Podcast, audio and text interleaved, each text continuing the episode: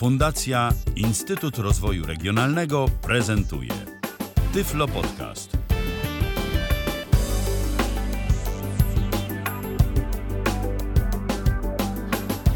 Pierwsza audycja w 2020 roku, a tak w sumie to chyba 18, jeśli dobrze tutaj mam zapisane. Tyflo Przeglądu, godzina 20.02, jeśli dobrze patrzę na zegar z kolei. No i gwoli uzupełnienia informacji czasowych 7 stycznia. Dzisiaj wielka czwórka, Paweł Masarczyk, Mikołaj Hołysz, Michał Dziwisz i Jacek Tomek Bilecki. Dobry wieczór, e, dzień dobry, witajcie ostatni Tyflo przegląd był dawno, dawno temu, prawie chyba miesiąc już. I prawda, je, i, prawda jest, I prawda jest taka, że my tu wszyscy musimy tak obserwować, jeśli dobrze wszystko robimy, bo, bo chwilę nas tu nie było i się mogło Można było coś pozmieniać. Sprawy, to prawda. Owszem. No, także trening, czyli mistrza, ale brak treningu już niekoniecznie. Owszem. E, dobra, no to co? To chyba zaczynamy newsiki, które dzisiaj Michał Dziwisz przygotował. Tak, ja dziś przygotowałem, bo Robert Łabęcki, który zwykle się tym zajmuje, zachorzał nam niestety. E... Ale teraz ma taki radiowy głos, tak, taki tak, tego. Owszem. Teraz jakby zrobił mocno, newsiki, mocno to by był. tak jest. Więc y, życzymy Robertowi szybkiego powrotu do zdrowia, a tymczasem y, słów kilka o tym, co dziś. A dziś w programie. Głośnik z laptopa na Windows 10? Niestety, nie zadziała. Facebook w Mirandzie to znowu zaczyna mieć sens. Okazuje się, że są pewne problemy z Lunar RSS, przynajmniej u niektórych użytkowników. Są muzea, które chętnie dzielą się audiodeskrypcją, także na swoich stronach www. Paweł Wdówik, pełnomocnikiem rządu do spraw osób niepełnosprawnych. McAfee Removal Tool, obsługiwalny przez niewidomych. Wiedźmin jednak bez polskiej audiodeskrypcji, przynajmniej na razie. Szukał i znalazł Mikołaj Hołysz sensowne narzędzie do prowadzenia listy zadań. Fairmail, otwarty klient poczty na Androida z interesującymi funkcjami dostępnościowymi. Ponownie o dostępności muzeów, tym razem finansowanej ze środków Unii Europejskiej. 88 nowych filmów z audiodeskrypcją w ofercie DZDN. UWB, rewolucja dla dostępności, koszmar dla prywatności. Konfiguracja nowego iPhone'a nie zawsze tak prosta jak się wydaje. Ciekawe doświadczenie z menu restauracji w mapach Google. CES 2020 trwa w najlepsze, a tam m.in. dotykowy wyświetlacz dla smartfonów i nie tylko. Usprawnienia w działaniu offline tłumacza Google. 79. edycja przeglądarki Google Chrome przynosi zmiany w dostępności. Być może jeszcze coś nam się uda zmieścić w dzisiejszym programie, ale e, w momencie przygotowywania tych informacji miałem tyle. Tak, a że jakoś tak to czasem bywa, że we, jakoś we wtorki dużo z tych newsów i to właśnie z reguły wieczorem, więc jak kogoś nie interesuje to, co my mamy do powiedzenia, to może sobie przewinąć do końca tego odcinka i zobaczyć, co tam I jest. zobaczyć, co będzie zachęcamy. jeszcze. Tak, zachęcamy, tak, ale oczywiście zachęcamy zostać. do słuchania, no chyba, że ktoś nas Najbardziej, słucha, na żywo, najbardziej no to, to współczujemy to się tym. Nie da. To, najbardziej to współczujemy tym, co na żywo, bo oni nie no mogą właśnie, sobie to, przewinąć. To się, no to właśnie mówię, że to się nie da. Tak jest. Ani przyspieszyć nawet, niestety. Ani przyspieszyć. A właśnie, tak a propos, zanim zaczniemy, jeszcze taka informacja. E, informacja, która wynikła tak naprawdę z dzisiejszej rozmowy na Facebooku z jednym z naszych słuchaczy. Pozdrawiamy Piotra e, bardzo serdecznie. Otóż e, Piotr zapytał, jak on sobie może audycję Tyflo Podcastu pobrać na przykład na dysk komputera. Bo jak klika tam pobierz plik z audycją, to teraz te nowoczesne przeglądarki, one zaczynają zaczynają to od razu odtwarzać. Piotrze, y, pozostali słuchacze, jeżeli również macie taki problem, bo na przykład chcielibyście sobie przyspieszyć odtwarzanie y, tego materiału później w jakiś tam sposób, czy za pomocą Winampa, czy jakiegoś edytora audio, no cokolwiek, ale albo po prostu chcecie mieć ten plik z naszą audycją na dysku. Nic prostszego, jak wam zacznie grać, to naciśnijcie Ctrl S. Pojawi się wtedy standardowe okienko do zapisu pliku, możecie wskazać wtedy dowolny katalog, gdzie chcecie to zapisać i tyle. Tak jest. To co? To przechodzimy do tego, co już mamy zaplanowane. Tak jest. E, no to zaczynamy od niezbyt pozytywnej informacji na temat e, e, no tego, no o czym mówił Mikołaj Bluetooth. tak naprawdę tak. w ostatniej audycji. Zastanawialiśmy się tutaj, czy ten głośnik Bluetooth zrobiony z komputera zadziała na Windowsie 10. No okazuje się, że niestety nie. E, I to z winy Microsoftu. Microsoft postanowił jakoś tak uszczuplić e, oferowane przez siebie profile Bluetooth w Windowsie 10, e, ograniczając je do tych najpotrzebniejszych podstaw, czyli tethering, robienie sobie modemu z telefonu, przesył plików i tam parę jeszcze innych. Natomiast właśnie obsługę audio w trybie sync, czyli w trybie, w którym to komputer przyjmuje dźwięk od telefonu czy innego urządzenia, y, no niestety nie, nie, nie jest to obsługiwany tryb połączenia i nie da się nic z tym zrobić, żeby było śmiesznie. Toshiba chyba jako jedyny producent y, wprowadziła to po stronie swoich sterowników na nowo. No mój hapek ma sterowniki Intela wireless Bluetooth i tam tego nie ma. Intel nawet radzi wprost na swojej stronie, żeby pisać do Microsoftu w tej sprawie, żeby te, te opcje zostały ponownie dodane. Mm, ponoć da się ten problem rozwiązać kupując zewnętrznego dongla, e, najprostszego Tylko pewnie takiego, też nie każdego, czy, czy każdego? Y, jakikolwiek, który wspiera Witcom albo Blue Soleil, to jest dość szeroka lista. Zdaje się, że nawet te tańsze mm, dongielki takie chińskie powinny działać. Y, natomiast y, no to jest śmieszne, bo to jest problem softowy, problem oprogramowania, który trzeba rozwiązać kupując nowy sprzęt. No więc tutaj Microsoft naprawdę się no, nie popisał, co, co by nie mówić. Pytanie, Szkoda, czy Microsoft no. nie usunął tego z myślą tej y, aplikacji pomocnik Mój Telefon. Znaczy pytanie, czy to rzeczywiście jest usunięte już, czy to nie będzie zmienione, choć należy się obawiać, że to może być usunięte, bo już kilka opcji w Windowsie zostało usuniętych raz na zawsze. I to Zwłaszcza takich opcji, które... dźwiękiem. Tak, na Patrz, przykład... Karty dźwiękowe Realtek i ich fajne efekty w Windowsie XP. Chociażby. Właśnie to ja nie wiem, z czym to było związane, natomiast yy, yy, natomiast mi na przykład chodzi o wybór domyślnego syntezatora MIDI, który, który był i którego nie ma. Nie da się tego, nie da się od chyba siódemki yy, tego wybrać. A w 98 jeszcze można było nie tylko wybrać syntezator, ale na poszczególny kanał MIDI różne syntezatory i, i to było bardzo ciekawe. Zdaje się, że z Miracastem jest ten, też ten sam problem, że mm, pewne układy mm, graficzne, na przykład chyba mój, yy, czy nie, przepraszam, to, to od karty sieciowej zależy, wspierały Miracasta na Windowsie 8 jeszcze, a przestały wspierać na dziesiątce, bo też coś zostało usunięte. A Miracast, e, przypomnij no Pawle, czym jest? Jest protokołem transmisji obrazu i dźwięku, takim podobnym do Chromecasta, tylko mm, stworzonym jakby Czy... alternatywnie wbrew Google'owi troszkę, jako konkurencja. Jest on to zbudowany znaczy... w Windowsa 10. Można przesyłać e, z telefonu na przykład obraz i dźwięk na komputer bezprzewodowo po Wi-Fi. Tak? Znaczy, z tego co słyszałem, to jest jakaś e, wariacja na temat DLNA. Bo to ponoć było w ogóle tak, że był sobie DLNA, który chodził tak sobie, Apple stworzył swój Air, AirPlay. Tak. Google oczywiście musiał skontrować, e, stworzył Chromecasta. Natomiast e, większość firm typu Sony i właśnie Microsoft i tak dalej, te wszystkie swoje protokoły, z tego co wiem, mają oparte na właśnie DLNA. Możliwe, tak, ale chodzi o osobną zasadę, że on że po prostu się wybiera urządzenie z listy i się transmituje, bo DLNA jest trochę bardziej skomplikowane jakby w użytku.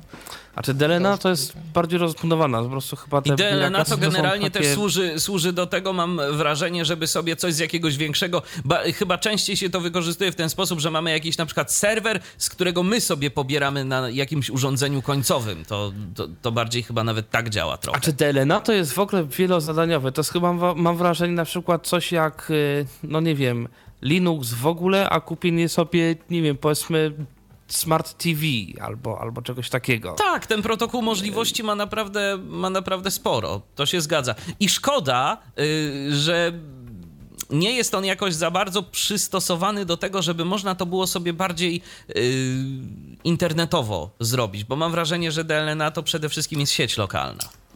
No Plex tak, ale... trochę pozwala to robić i wtedy jest, to ten serwery są dostępne ewentualnie, w ewentualnie VPN, no bo to też jest opcja, można sobie I zestawić, tak, ale znaczy, to już jest... Y, pamiętajcie, że tak naprawdę, bo DLNA to jest w ogóle dość rozbudowana infrastruktura i to zostało podzielone na kilka elementów. Znaczy można sobie wszystko, że oddzielnie jest renderer, oddzielnie jest jakby serwer plików, oddzielnie jest odtwarzacz i oddzielnie jest jeszcze sterowanie. Mhm. Czyli na przykład, że macie sobie y, y, dysk taki duży w domu, na którym są wszystkie multimedia, sterujecie smartfonem, renderujecie na kompie, odtwarzacie przez telewizor. No tak.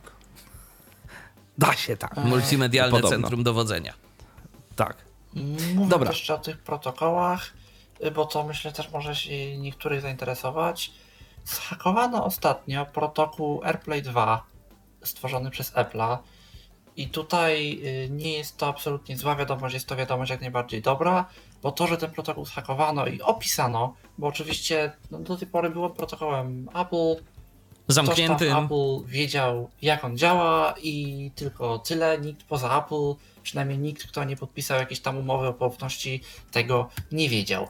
No teraz ktoś do tego doszedł, opisał, gdzieś tam udokumentował i y, są przygotowania, żeby w jakichś takich właśnie odtwarzaczach centrach, że tak powiem, wprowadzić właśnie możliwość streamingu przez AirPlay 2 z urządzeń Apple, na przykład na głośniki jakieś podłączone chociażby do takiego małego komputerka Raspberry Pi, który sobie tam za 100 zł czy 200 można w miarę prosty sposób zorganizować, a wiadomo jest to tańsze niż jakiś nie wiadomo jaki zestaw głośnikowy z, z odpowiednim certyfikatem. Nie wiadomo czym dokładnie pobłogosławiony przez Apple'a.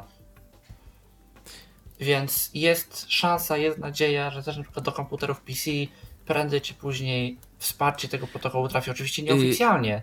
To będzie też program do zainstalowania, ale. Znaczy, słuchajcie, ja myślę, że w ogóle, tak jak kiedyś mówiliśmy o tych y, protokołach, można zrobić osobną audycję, bo to naprawdę jest o czym mówić, bo i Chromecast, i AirPlay, i to wszystko ma swoje różne zalety i wady i różne ciekawe zastosowania, natomiast y, na tego na, na tyle dużo, że dzisiaj nie zdążymy. Nie zdążymy, tak, bo znowu e, skończymy a, późno. Tak, a, a tematów jest sporo, no bo, no bo się przez czas świąteczny tego zdarzyło, a tymczasem y, druga, no trudno powiedzieć nowość, bo już o tym było troszeczkę zapowiadane, to znaczy Facebook w Mirandzie, który podobno się jakoś podnosi i parę osobom już to działa. Niestety u mnie na przykład nie bardzo chce to działać. Yy, to jest beta, to jest wtyczka, która krótko przed świętami zaczęła się odbudowywać. Yy, zaczął odbudowywać jeden z nowych deweloperów w Mirandzie. Natomiast yy, ona gdzieś przed Sylwestrem się pojawiła już w wersji takiej, że można było ją pobrać w wersjach rozwojowych. Ona się by się zaktualizowała. E, teraz już powiedzmy działa to w miarę stabilnie. Jest z nią parę problemów. E, oczywiście jak macie wersje rozwojowe Mirandy, to pewnie Wam się zaktualizuje i będzie działać. Na pewno nie będą już hakowane konta. U, u mnie się to nie dzieje, nie dzieje się to jeszcze kilku osób, które e, to testują, a już to używamy to gdzieś z tydzień. Potwierdzam. No i potwierdzam. A widzisz, ty też. Właśnie tak, ja nie mogę. Ja używam, znaczy... ja używam i powiem wam szczerze, że po pierwsze, parę takich rzeczy z moich też obserwacji. Yy, to się zdarzy, że to się czasem rozłączy, ale muszę powiedzieć, że, się, że z moich obserwacji to się rozłącza nawet rzadziej niż gadu-gadu. Yy, obecnie, mhm. bo Gadu Gadu ma jakiś taki problem teraz, że jak na przykład on już się rozłączy, to się w ogóle nie chce za bardzo połączyć ponownie. Trzeba całą Mirandę restartować. Facebook na przykład nie ma tego problemu. Tak, mm, wisi wątek. Tak, i, i, wtedy, i wtedy spokojnie można się tam y, podłączyć ponownie Natomiast, do Facebooka. Natomiast, y, co zauważyłem, na pewno te wiadomości, które wysyłamy, y, działają zdecydowanie płynniej. To znaczy, nie ma czegoś takiego, że piszemy do kogoś jakąś wiadomość, naciskamy Enter i czekamy jeszcze chwilę, zanim ta wiadomość nam się wyśle. Miałem wrażenie, że to na tej poprzedniej wtyczce Facebooka to wszystko tak ciężko działa, tak strasznie jakoś tak ociężale. Teraz naprawdę działa to płynnie i bardzo przyjemnie się mm, korzysta z y, tego, y, właśnie z, z, wysyłania wiadomości mm, za pomocą Facebooka do użytkowników. Działa to naprawdę. A ja chyba hał, hał muszę odszczekać. A? Zadziałało? Bo dzisiaj zaktualizowałem i już no teraz działa, przynajmniej te pierwsze minuty. Zobaczymy, czy będzie działało na przykład całą audycję, czy tam coś nie Myślę, że wysypie. myślę, że tak, y, bo mówię, ja to testuję od pewnego czasu i naprawdę działa to bardzo płynnie, bardzo fajnie. Też ta wtyczka jest aktualizowana y, co chwilę, tam jakieś nowe rzeczy dochodzą. Nie wiem jakie, może ty Pawle wiesz więcej, bo nie śledzę szczerze powiedziawszy changelogów, ale Tak, teraz załączniki doszły Aha. znowu, że można, można dostawać jakieś tam obrazki, pewnie jako linki oczywiście dalej, wiadomości Mm, głosowe zapewne. Można pewnie puszczać. Yy, Poprawiono jakieś błędy, bo tu mi ktoś zgłaszał, że po- znaki narodowe nie przechodzą, że jakieś wiadomości ze znakami narodowymi z polskimi albo są zawsze znaki przechodzi. wycinane. Aha, to ktoś mówił o jakichś innych. Ja widziałem w changelogu umlauty, ale nie wiem, czy może inne grupy znaków też miały problem. Ja miałem takie problemy, że nie dochodziły czasem wiadomości. Natomiast y, problemy, jakie ja mam na przykład, y, pobiera mi tylko 500 kontaktów. Nie chcę więcej pobrać, mimo że ich więcej mam na, na liście. A to szczerze E, tak powiedziawszy, samo to ja tego nie przykład- sprawdzałem, czy mi pobiera. Bo też mam więcej na liście, tam nie chyba około mnie. 700, ale czy są wszystkie, to nie wiem. Nie, te, na tym się nie mnie jest skupiłem, szczerze 500. mówiąc. Y, Tak samo problem jest taki, że jak wiadomość przyjdzie na Mirandę, to nie jest odhaczana jako przeczytana mm, po stronie serwera, więc Messenger na telefonie dalej mi wyświetla jako nieprzeczytana. Nawet taką jak ty wyślesz, nawet jak ty wyślesz komuś wiadomość, to ona też jest y, nieoznaczona jako przeczytana. To się zgadza. Chociaż, z, Tak, dru- cho- i- chociaż z drugiej strony, chociaż z drugiej strony, to jest o tyle fajne, ja szczerze mówiąc, że ja to tak postrzegam w kategorii it's not, it's not a bug, it's a feature. Yy, dlatego, że na przykład jak mamy cały czas y, otwartą Mirandę, ja na przykład mam włączoną Mirandę cały czas i ktoś do mnie napisze o jakiejś porze, gdzie mnie nie ma przy komputerze. I teraz ta wiadomość mi się wyświetli. I powiedzmy ktoś widzi, że ta wiadomość została wyświetlona, no to w tym momencie on może mieć y, wrażenie, że ja go olewam, tak? Że nie chcę mu odpisywać, bo przeczytałem, ale nic nie odpisuję, więc tak na dwoje babka wróżyła z tym, No jasne. szczerze mówiąc. Chyba, że to ma być prawda. tak, że otwierasz okno i wtedy może jakoś on to będzie Tak. wykrywał i Byłoby wysyłał lepiej, informację, że to jest przeczytane. No. No, zobaczymy jak się to rozwinie. Mhm. Otrzymałeś też Pawle, bo mi to nie działało. Ja to testowałem jakoś po nowym roku krótko. Mi to nie działało. Miałem wszystkie kontakty offline. Teraz niby zaczęło mi się pokazywać, że normalnie ludzie są online. Wysłałem Pawłowi wiadomość. Nie wiem, czy on coś ode mnie Dostałem, dostał. dostałem, dostałem. A, dobrze. No czyli wi- widać, że się poprawia. Natomiast nie wszystkie funkcje są jeszcze wspierane. Nie ma na przykład czatów grupowych jeszcze. To trzeba będzie poczekać. Prawdopodobnie nie działa też szukanie kontaktów, jak ktoś z tego korzystał. y, Szukanie ludzi, których nie mamy na liście. Powiadomień nie ma, jeżeli ktoś na to liczył, y, ale mają być. No i, i różne takie małe funkcyjki. To się dopiero budzi. Ale jeszcze. się Ja i tak rozwija i to jest, i to jest krótkim czasie- najważniejsze. Dokładnie, ważne, że mamy cokolwiek. I Że to można jest się komunikować, no bo to naprawdę y, czasem... To jest najważniejsze. Jeden Tak. z bardzo niewielu takich komunikatorów, które można mieć i na smartfonie, i na PC, bo zauważyliście, że teraz są albo jest, są komunikatory typu WhatsApp i w zasadzie to jest tylko y, smartfon. No teoretycznie jest wersja na PC, ale ona tak działa, że to w zasadzie nie Jest działa. WhatsApp Web, który działa w sumie nawet całkiem fajnie. No właśnie. Tylko tam czasem to- to potrafi rozłączyć, jakieś dziwne rzeczy się z tym dzieją. No właśnie u mnie to tak różnie to, to działa. A poza tym, a poza tym jak mi się, a poza tym, a poza tym słuchajcie, y, jak jest taki przypadek, że się komuś okazało, że chyba monitor to tak nie za bardzo działa, albo jest jakiś inny problem, to życzę powodzenia, bo ja jestem na przykład w takiej, to- ja jestem na przykład w takiej tak. sytuacji, że nie mogę zeskanować fajnie, sobie QR kod kodu, QR. bo tak, bo, bo nie ma innej możliwości. Y, Albo są takie komunikatory, które mają duże problemy z działaniem, typu Skype na przykład, który w ogóle, no teoretycznie jest i na smartfony, i na PC. Ale to jest ciężki ta wersja webowa, taka jakaś. Ja używam. Znaczy ciężki to Może tego, ale Ja podcast, mam to Windows bo... 10 i no, brakuje jej czasem funkcji, ale ogólnie jest spoko. Do tego, do Ja- czego ja potrzebuję Skype'a. Znaczy, kiedyś było na przykład tak, że moja norka się wylogowała ze Skype'a i trzy tygodnie wisiało, że jest dostępna. A, I ludzie bywa. dzwonili A tak, to potwierdzam. i jakby... Z tym są problemy. A ile razy było odwrot, odwrotnie, ktoś jest niedostępny, a jest zalogowany od tygodnia niemal bez przerwy. Ale co tam? Inna rzecz, że rzeczywiście, Także... właśnie skoro już o tym mówisz, y, Tomku, to muszę powiedzieć, że na Facebooku mam wrażenie, że się te statusy to też tak nie do końca odświeżają teraz, czy ktoś jest dostępny, czy nie. Coś, coś może być na rzeczy, bo mam kilka osób, które raczej są na Facebooku, a ich nie ma. I w drugą stronę też to potrafi działać.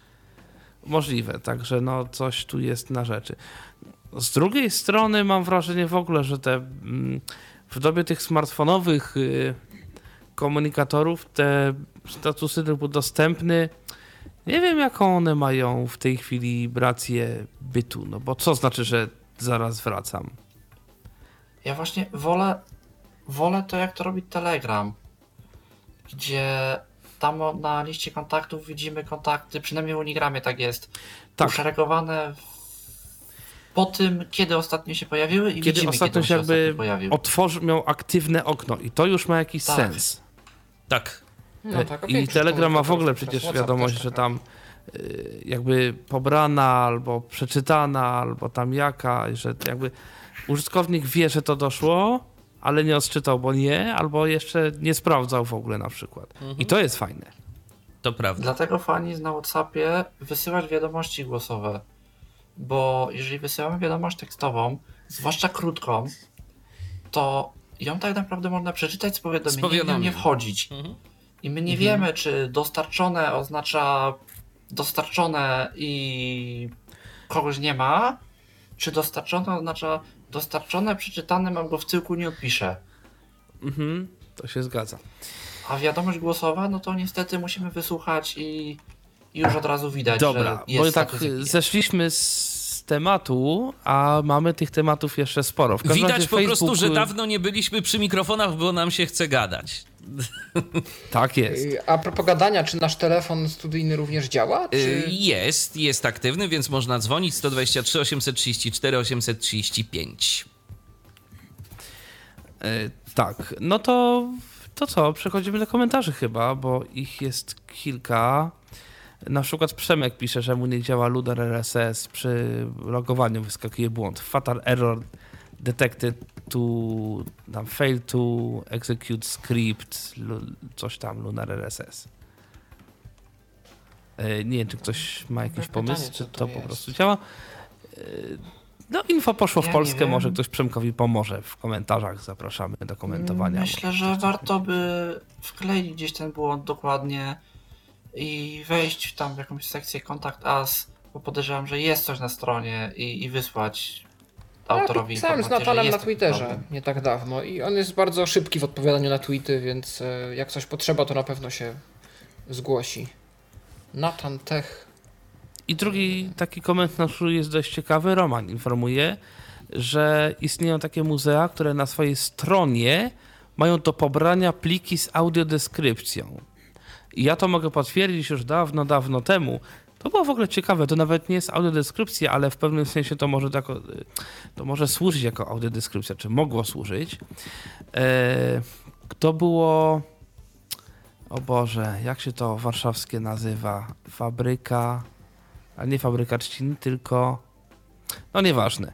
W każdym razie, któraś z tych takich galerii, muzeum, galerii sztuki miało taką Y, wystawę dźwięku i obrazu, takich różnych kolażów dźwiękowych i, i, i, obrazowych.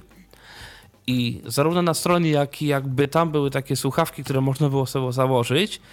I tam pani opowiadała troszeczkę, co tam jest, ale tak w kontekście, no to jakby to nie było nawet dla niewidomych, tylko to było taki, kto, jakby kim jest kompozytor, o co tu chodzi, ale też opis tego, tego co się tam dzieje. Więc w pewnym sensie no, była to e, swego rodzaju taka troszeczkę audiodeskrypcja. I to też było właśnie w formie plików takich, e, takich do pobrania. Nawet mam kilka tych plików, to jakby ktoś chciał, mogę coś, coś pokazać. Tylko nie wiem, czy teraz tak łatwo to znajdę, ale gdzieś to mam.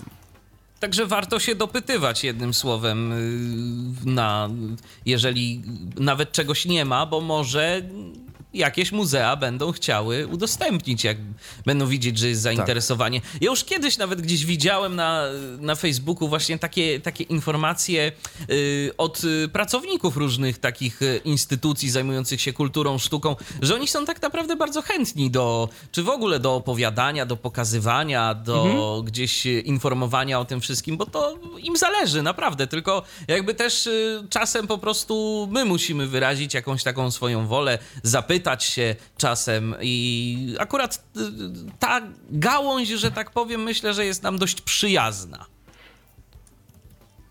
No. O, mam, to było w Zachęcie. E, to było już parę, ładnych parę lat temu. Kiedy to było? 2009 e, rok. No, no, to tak w miarę. E, I mam tu jakiś taki kawałek. Nie wiem, czy to można puścić, ale no w sumie jak było na stronie. Kawałek to myślę, że możemy. Myślę, że kawałek można puścić tam, któregoś tam. Aha. Akurat mam tutaj pierwsze takie, które było. O, nie to. Tutaj. Od razu na początku wielki film, właściwie obraz wideo Mariny Abramowicz na pewno zaskoczy niejednego z polskich widzów, dlatego że Marina Abramowicz pokazała jak zwykle siebie, ponieważ ona sama na ogół jest bohaterką swoich dzieł, swoich performansów, które są mm, filmowane. Siedzi na białym koniu na tle pejzażu z powiewającą flagą i śpiewa. Śpiewa, nawet dokładnie nie wiem, czy ona sama, czy głos podłożony do tej kompozycji. Śpiewa przez moment, wydaje się, że polski hymn ale to jest hymn Jugosławii, który ma związaną z nami historię. Mianowicie y, w 1834 roku Mazurek Dąbrowskiego, który wtedy uchodził właśnie za taki mm, najwyraźniej poświęcony wolności narodu muzyczny sygnał, został zaadaptowany jako melodię do wiersza no i później ten hymn stał. No i tak dalej, i tak dalej. Tego jest ileś. Także już tyle lat temu, 11 lat temu, tego typu rzeczy były udostępniane, więc teraz może być tylko lepiej. Miejmy taką 31 nadzieję. plików tutaj jest na, na, tym, na, na tym czymś. Także, no, ciekawe. I to jest, to w ogóle mówiła chyba w ogóle dyrektorka Zachęty, także, yy, no. No, to, to chyba tyle, jeśli chodzi o komentarze. I ciekawe, może ktoś tutaj ze słuchaczy trafi na jakieś takie muzeum, to mógłby się też w komentarzach podzielić, jakie to są muzea. E, no. To teraz no przechodzimy no dalej. E, przechodzimy do już tematów takich e, zaplanowanych, opisanych i tak dalej. Wiadomość Zaczynamy można od... powiedzieć z ostatniej chwili, bo z dziś pierwsza wiadomość. Tak. tak. Może ktoś kojarzyć ze słuchaczy Pawła Duwika, może nawet osobiście. On swego czasu na Uniwerku działał dość I chyba, dość, i chyba nawet na Uniwersytecie Warszawskim dalej działa w biurze mm, osób niepełnosprawnych w, w Bonie. Możliwe, nie wiem. Natomiast y, teraz, można powiedzieć, spina się po szczeblach kariery i został pełnomocnikiem rządu do spraw osób niepełnosprawnych. Tak, i to jest informacja z dziś. Y, dziś właśnie y, w Ministerstwie Rodziny, Pracy i Polityki Społecznej został właśnie Paweł Wdówik powołany na stanowisko sekretarza stanu nawet, to jest takie stanowisko, e, pełnomocnik rządu do spraw osób niepełnosprawnych. Taka informacja się pojawiła. E, kancelaria premiera taką informację podała, także informacja zdecydowanie potwierdzona przez najwyższe władze. No cóż, pozostaje pogratulować i teraz miejmy nadzieję, że jakieś efekty będą tego pozytywne. Mam nadzieję. I technologia, drugi nasz temat, ale nie ostatni technologiczny zdecydowanie, e, ale dla niewidomych. E, McAfee Removal Tool e, w końcu jest do obsłużenia dla niewidomych i o tym Mikołaj. Tak, jak wiadomo McAfee antywirus coś, czego bardzo mało osób chce, a bardzo dużo osób ma, bo to przychodzi z wieloma nowymi komputerami gdzieś tam zainstalowane domyślnie, bo tam są podpisywane często umowy z tymi firmami, że to domyślnie zainstalowane jest No i jakoś to trzeba usunąć. Yy, standardowa metoda, czyli programy, funkcje, yy, jakkolwiek to się tam nazywa teraz w ustawieniach w Windowsie 10 w sekcji bodajże aplikacje, no nie zawsze przynosi skutek. U mnie po pierwsze była dość trudna do obsłużenia, bo to okienko jest całkowicie niedostępne i trzeba tam się od RM posługiwać. To się niby udało, ale po, po restarcie systemu produkt znowu wrócił. No więc trzeba było skorzystać z y, bardziej jakichś takich zaawansowanych środków i bardziej skutecznych i właśnie pobrać z ich strony McAfee Removal Tool. No i teraz tak. Jest ekran z kapczą. I wszyscy, o, kapcza, kapcza, niedostępna i tak dalej. No otóż okazuje się, że nie do końca. Bo jak sobie przejdziemy tak zwaną nawigacją obiektową w NVDA, tu odsyłam do podcastu, który już chyba z dobry rok temu na Tyflo Podcaście poczyniony był, to jesteśmy tak naprawdę w stanie przeczytać sobie znaki tej kapczy. Tych znaków jest ileś, przy czym należy zauważyć, że ostatni znak jest zawsze kilka razy powtórzony, więc bierzemy go raz, a nie te kilka razy. I wiadomo, od lewej, od jakby tych pierwszych obiektów, to będzie pierwszy znak. Na co należy zwrócić uwagę? Należy zwrócić uwagę na wielkość liter. Przeczytać sobie ten znak to jest bodajże numeryczna dwójka bądź odpowiednik laptopowy ustawić sobie coś w syntezatorze mowy, czy to, żeby, nam, czy to, żeby nas czy to wysokością, czy to słowem, czy to tonem informował o tym, że litera jest duża, bo to będzie nam potrzebne, bo ta wielkość litery jest tu rozróżniana.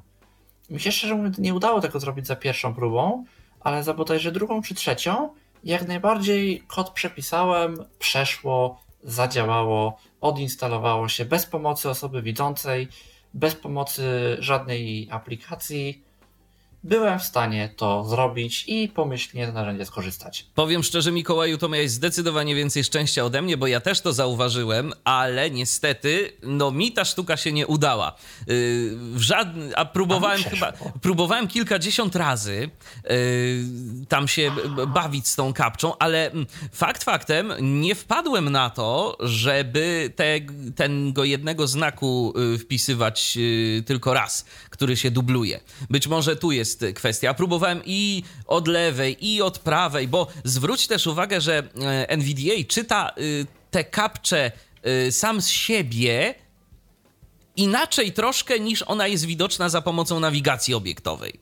Więc jest to takie dziwne. I szczerze mówiąc mi się wydawało, że to czyta, czytają chyba jakoś odwrotnie, więc myślałem, że może tak, a może tak, a może jeszcze jakoś inaczej. I powiem szczerze, nie udało mi się to, a próbowałem ostatnio właśnie y, na jednym z komputerów y, się z tym zmierzyć, no ale jeżeli to rzeczywiście działa w sposób, jaki opisałeś, to y, myślę, że warto, żeby nasi słuchacze sprawdzali, a nuż się uda.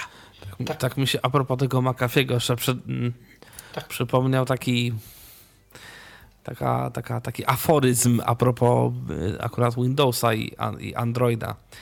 Użytkownicy Windowsa aktualizacje nie chcą, mają. Użytkownicy Androida aktualizacje nie mają, ale chcą.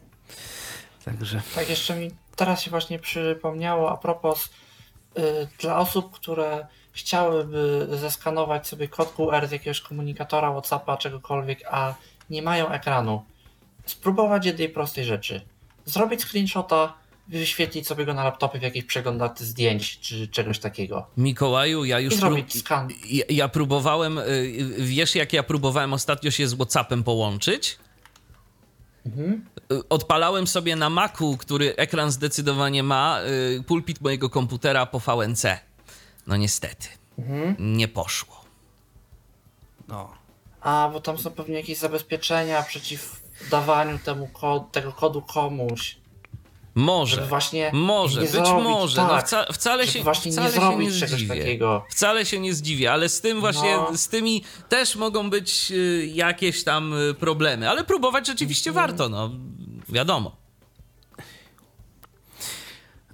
Także tak to wygląda. I teraz ja mam taki pomysł, bo tu jest kilka newsów y, Mikołaja pod rząd i potem kilka newsów Pawła pod rząd. Ja pro, pro, proponuję troszeczkę rozdzielić, żeby chłopaki mieli chwilę przerwy. To teraz proponuję, żeby Paweł powiedział o Fairmailu, bo ciekawy to program jest. Owszem. E, program otwarty, open source w pełni, e, niedarmowy.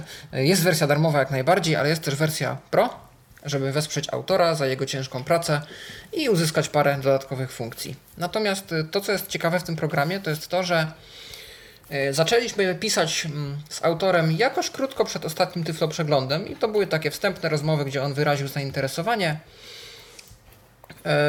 dostępnością. Y, tylko nie wiedział za bardzo, jak ją wdrożyć. I ja też, jako że no nie jestem informatykiem, to się w pewnym momencie posypałem i postanowiłem się poradzić e, innej osoby, która troszkę więcej o tym e, wie, z międzynarodowej społeczności osób niewidomych, osoby, która się bawi open source'em już dość długo. I zaowocowało to po pierwsze ciekawą dyskusją w moim mailu, gdzie się naprawdę dużo dowiedziałem o tym, jak działa od podszewki e, dostępność Androida, mm, różne jej aspekty i o tym, jak to jest kiepsko udokumentowany problem, bo okazuje się, że żeby wprowadzić taką zaawansowaną dostępność, trzeba korzystać z haków i z nieudokumentowanego API, które gdzieś krąży po jakichś blogach, ale żeby to było w oficjalnej dokumentacji Google do znalezienia, no to ciężko powiedzieć, żeby to była prawda. I się okazuje, że przez lata deweloperzy powynajdywali różne jakieś y, ukryte opcje, jakieś haki, jakieś obejścia i stworzyli sobie swoje poradniki, jak sobie z dostępnością radzić. Ale już po tygodniu były pierwsze efekty, mm, tygodni minęło dwa albo trzy i mamy wersję, która, no, muszę przyznać, że mm, jest dość imponująca. Ja do tej pory używałem Aquamaila, z którego byłem zadowolony. Tam parę rzeczy mi nie pasowało. Przede wszystkim to, że w tym momencie ten program, mimo że jeszcze się da kupić wersję pełną za bagatela 100 zł, y, to zdąża w kierunku subskrypcyjnym, jak wiele aplikacji. No i stwierdziłem, że chcę się rozejrzeć za czymś nowym y, i za czymś, y, gdzie, gdzie nie są aż tak brutalne te warunki gry. No i znalazłem właśnie Fairmaila. Fairmail, który w tym momencie jest chyba bardziej nawet dostępny od Aquamaila. Po tych różnych przeróbkach, które zostały wprowadzone, po tym wszystkim, co się działo, E, w tym momencie mamy klienta, który po pierwsze, no czyta oczywiście, że wiadomość jest nieprzeczytana, że wątek zwinięty, rozwinięty, że jakieś załączniki tam są, że na wiadomość odpowiedzieliśmy, albo ją przekazaliśmy, albo jakieś flagi. E, mamy akcję Talkbacka. W pierwszym, pierwszy klient maila, może Gmail też ma, ale teraz nie pamiętam, który wspiera działania Talkbacka. Można otworzyć menu i tam są różne opcje. Na wątku jest to oznaczenie gwiazdką, a na wiadomościach konkretnych w wątku już jest usuwanie, już jest przekazywanie dalej, jakieś oznaczanie, przenoszenie do innego folderu i tak dalej. E, jest e, możliwość, jeżeli używamy Talkbacka, bo komentarzy ma z tym póki co problem, przechodzenia po nagłówkach datami, czyli po prostu włączamy nagłówki, mamy dzisiaj, wczoraj, przedwczoraj i tak dalej, i tak dalej. Więc możemy sobie dość szybko e, skakać i szukać wstecz mm, w skrzynce. Trochę tak jak w Outlooku. Mi się to kojarzy z Microsoft Outlookiem, którymś nowszym, że można tak w drzewku zwijać po datach. Yy, mamy oczywiście odczytywane wszystkie dane.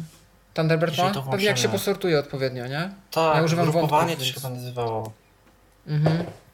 No ja używam wątków, więc ja mam wątkami. Ja też, ale, ale jestem świadomy istnienia opcji gdzieś tam, mhm. gdzieś tam ona była. To, to tu są i wątki i daty, to jest, to jest fajne.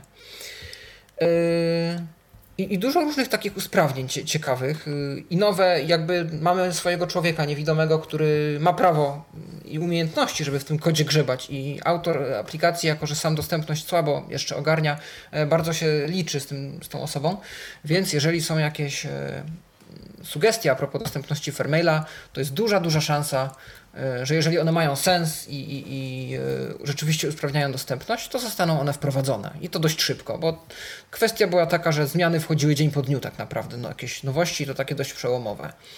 No sam program jest skupiony mocno na prywatność i bezpieczeństwo, więc na przykład każda próba otwarcia linku jest y, no, potwierdzana komunikatem, czy na pewno chcemy otworzyć link, bo może to jest wirus, więc y, to jest taka specyfika tej aplikacji.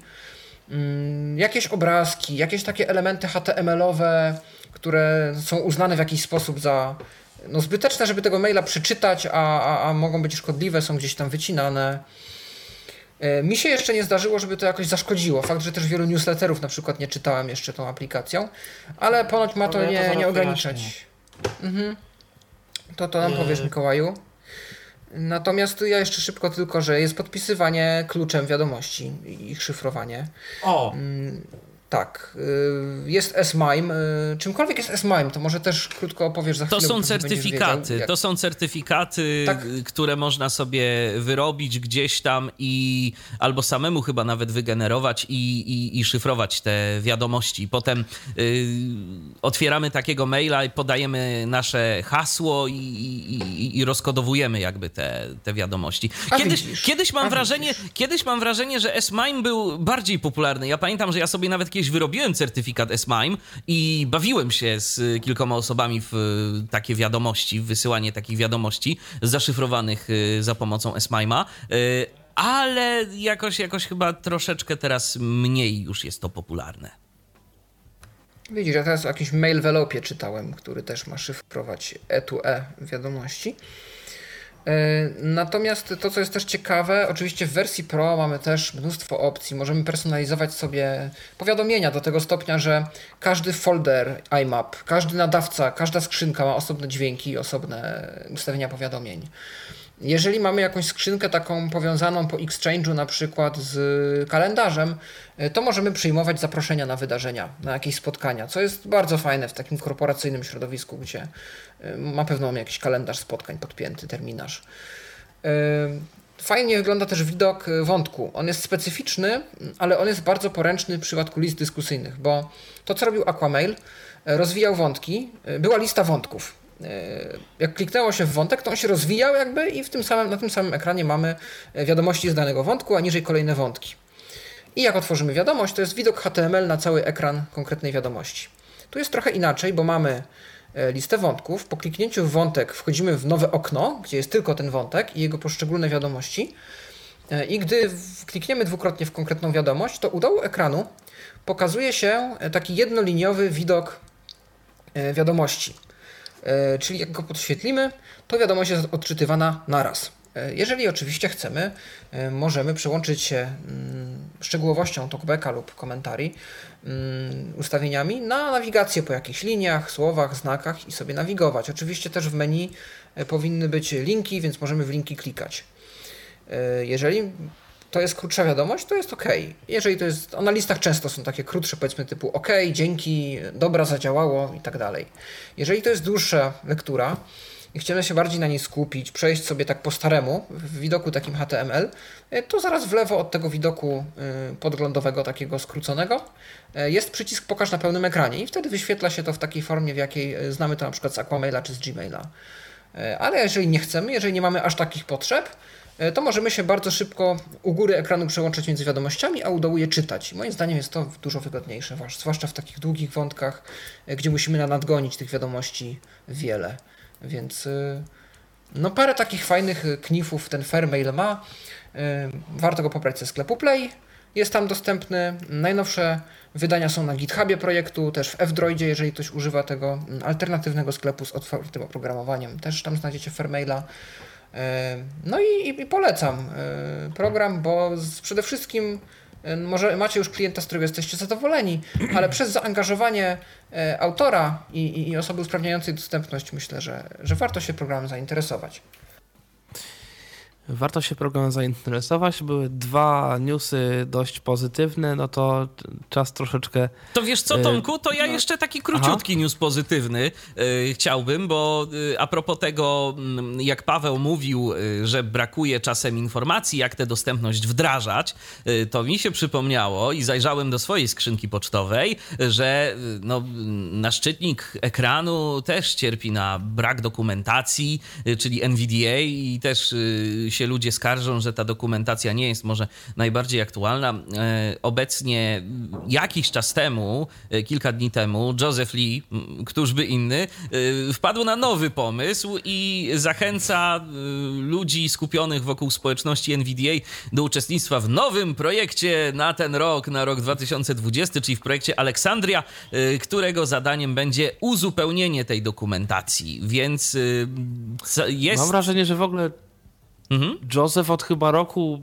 czy nawet troszeczkę dłużej próbuje właśnie walczyć z problemem dokumentacji do NVDA. Tak, tak. W sumie dobrze, że próbuje walczyć, bo to jest dość ważne. Oczywiście, bo jak ktoś A przychodzi... okazuje się, że bo jak ktoś nowy przychodzi. chciałby coś pisać. Tak, jak ktoś nowy przychodzi i chciałby w ogóle od czegoś zacząć, to się okazuje, że tu jest coś przestarzałe, tu czegoś nie ma, tu gdzieś jakaś biblioteka, jakaś klasa jest dobrze udokumentowana, a coś innego nie jest, i nagle zaczynają się no, spore problemy z tym związane. Więc ten rok, y, jak już się uda y, uporać z tymi problemami migracji na Pythona trójkę, no na razie cały czas jeszcze nie wiadomo, kiedy będzie oficjalne przejście na. Yy, trójkę, czyli kiedy będzie najnowsza stabilna wersja NVDA wydana e, na mm, Pythonie w wersji trzeciej, e, no to wtedy będzie się można skupić nad e, jakimiś takimi właśnie rzeczami związanymi z poprawą tej dokumentacji. Wtedy być może również więcej osób się zaangażuje w tworzenie dodatków i będzie to z korzyścią dla nas wszystkich. No zdaje się, że też Joseph ogłosił, że poszukują nawet stażystów, niekoniecznie chyba niewidomych, niekoniecznie ze społeczności NVDA, ale osób, które chciałyby się w ramach swoich studiów IT poświęcić jakiemuś projektowi, takiemu właśnie w formie jakiejś praktyki zawodowej, yy, zachęca do uzupełniania tej dokumentacji. Chodzi o dokumentację deweloperską oczywiście. Yy, to widziałem takie ogłoszenie też, że jakby zachęcane są różne osoby z IT. Tak. O. No to ten news nie taki fajny. Wiedźmin bez polskiej audiodeskrypcji. Tu też e, Mikołaj. tak, tak, dokładnie. E, dużo ludzi liczyło na to, że ta polska deskrypcja będzie. Tej polskiej audiodeskrypcji nie ma. Jest audiodeskrypcja angielska i to dla osób znających język jak najbardziej taka audiodeskrypcja jest na Netflixie. Jest polski dubbing, ale audiodeskrypcji po polsku nie ma.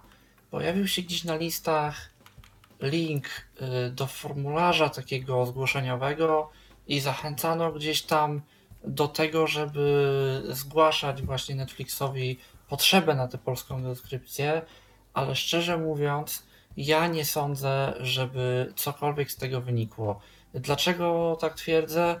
Y, weźmy pod uwagę inny serial, który też się na Netflixie pojawił, mianowicie serial Dom z Papieru, serial hiszpański, który naprawdę angielską audiodeskrypcję, gdzie jest to jeden z naprawdę najpopularniejszych seriali Netflixa, i no, angielska audiodeskrypcja to jest coś, co jakby no bardzo wielu osobom pomogło. Też na tę angielską audiodeskrypcję musiał bardzo, bardzo długo czekać, właśnie dlatego, że on or w oryginale angielski nie jest. I też właśnie myślę, że jeżeli Wiedźmin polski nie dostał, to że raczej, oczywiście to nie jest pewne, ale raczej nie mamy co liczyć na to, żeby w jakiejkolwiek najbliższej przyszłości takowa po polsku się pojawiła.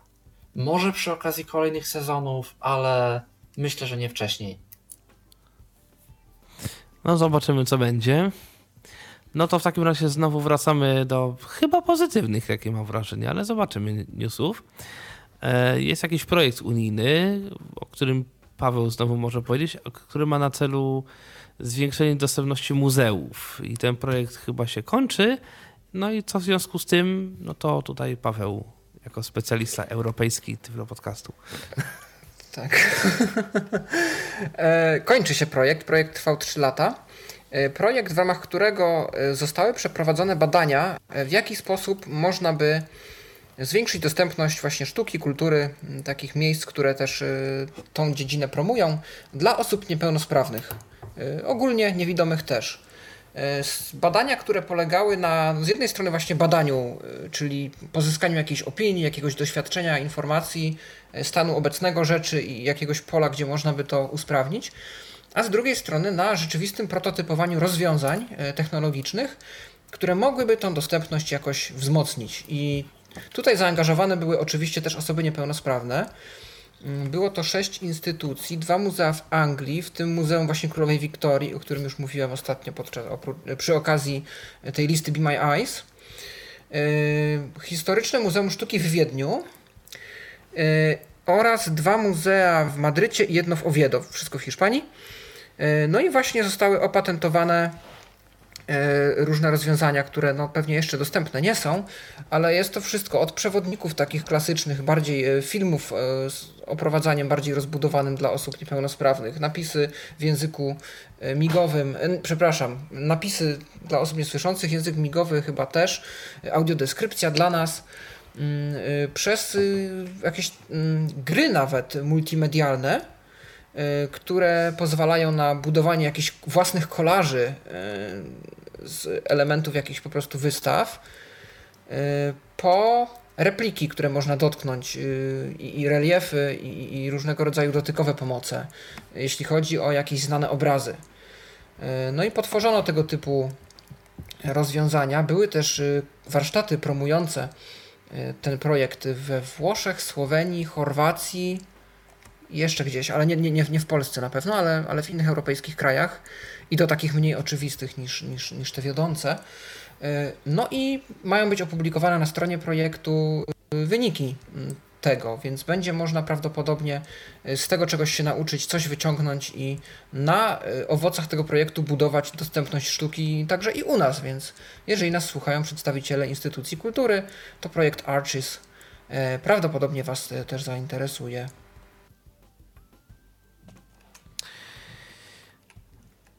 O. To ja może z y. kolejną informacją. Yy, taką dosłownie. Właśnie, bo jakoś chyba. Dosłownie. Dosłownie sprzed chwili. Dosłownie sprzed chwili. Yy, którą znalazłem na Facebooku. To Marek Jakubowski z ośrodka w Owińskach yy, ją opublikował.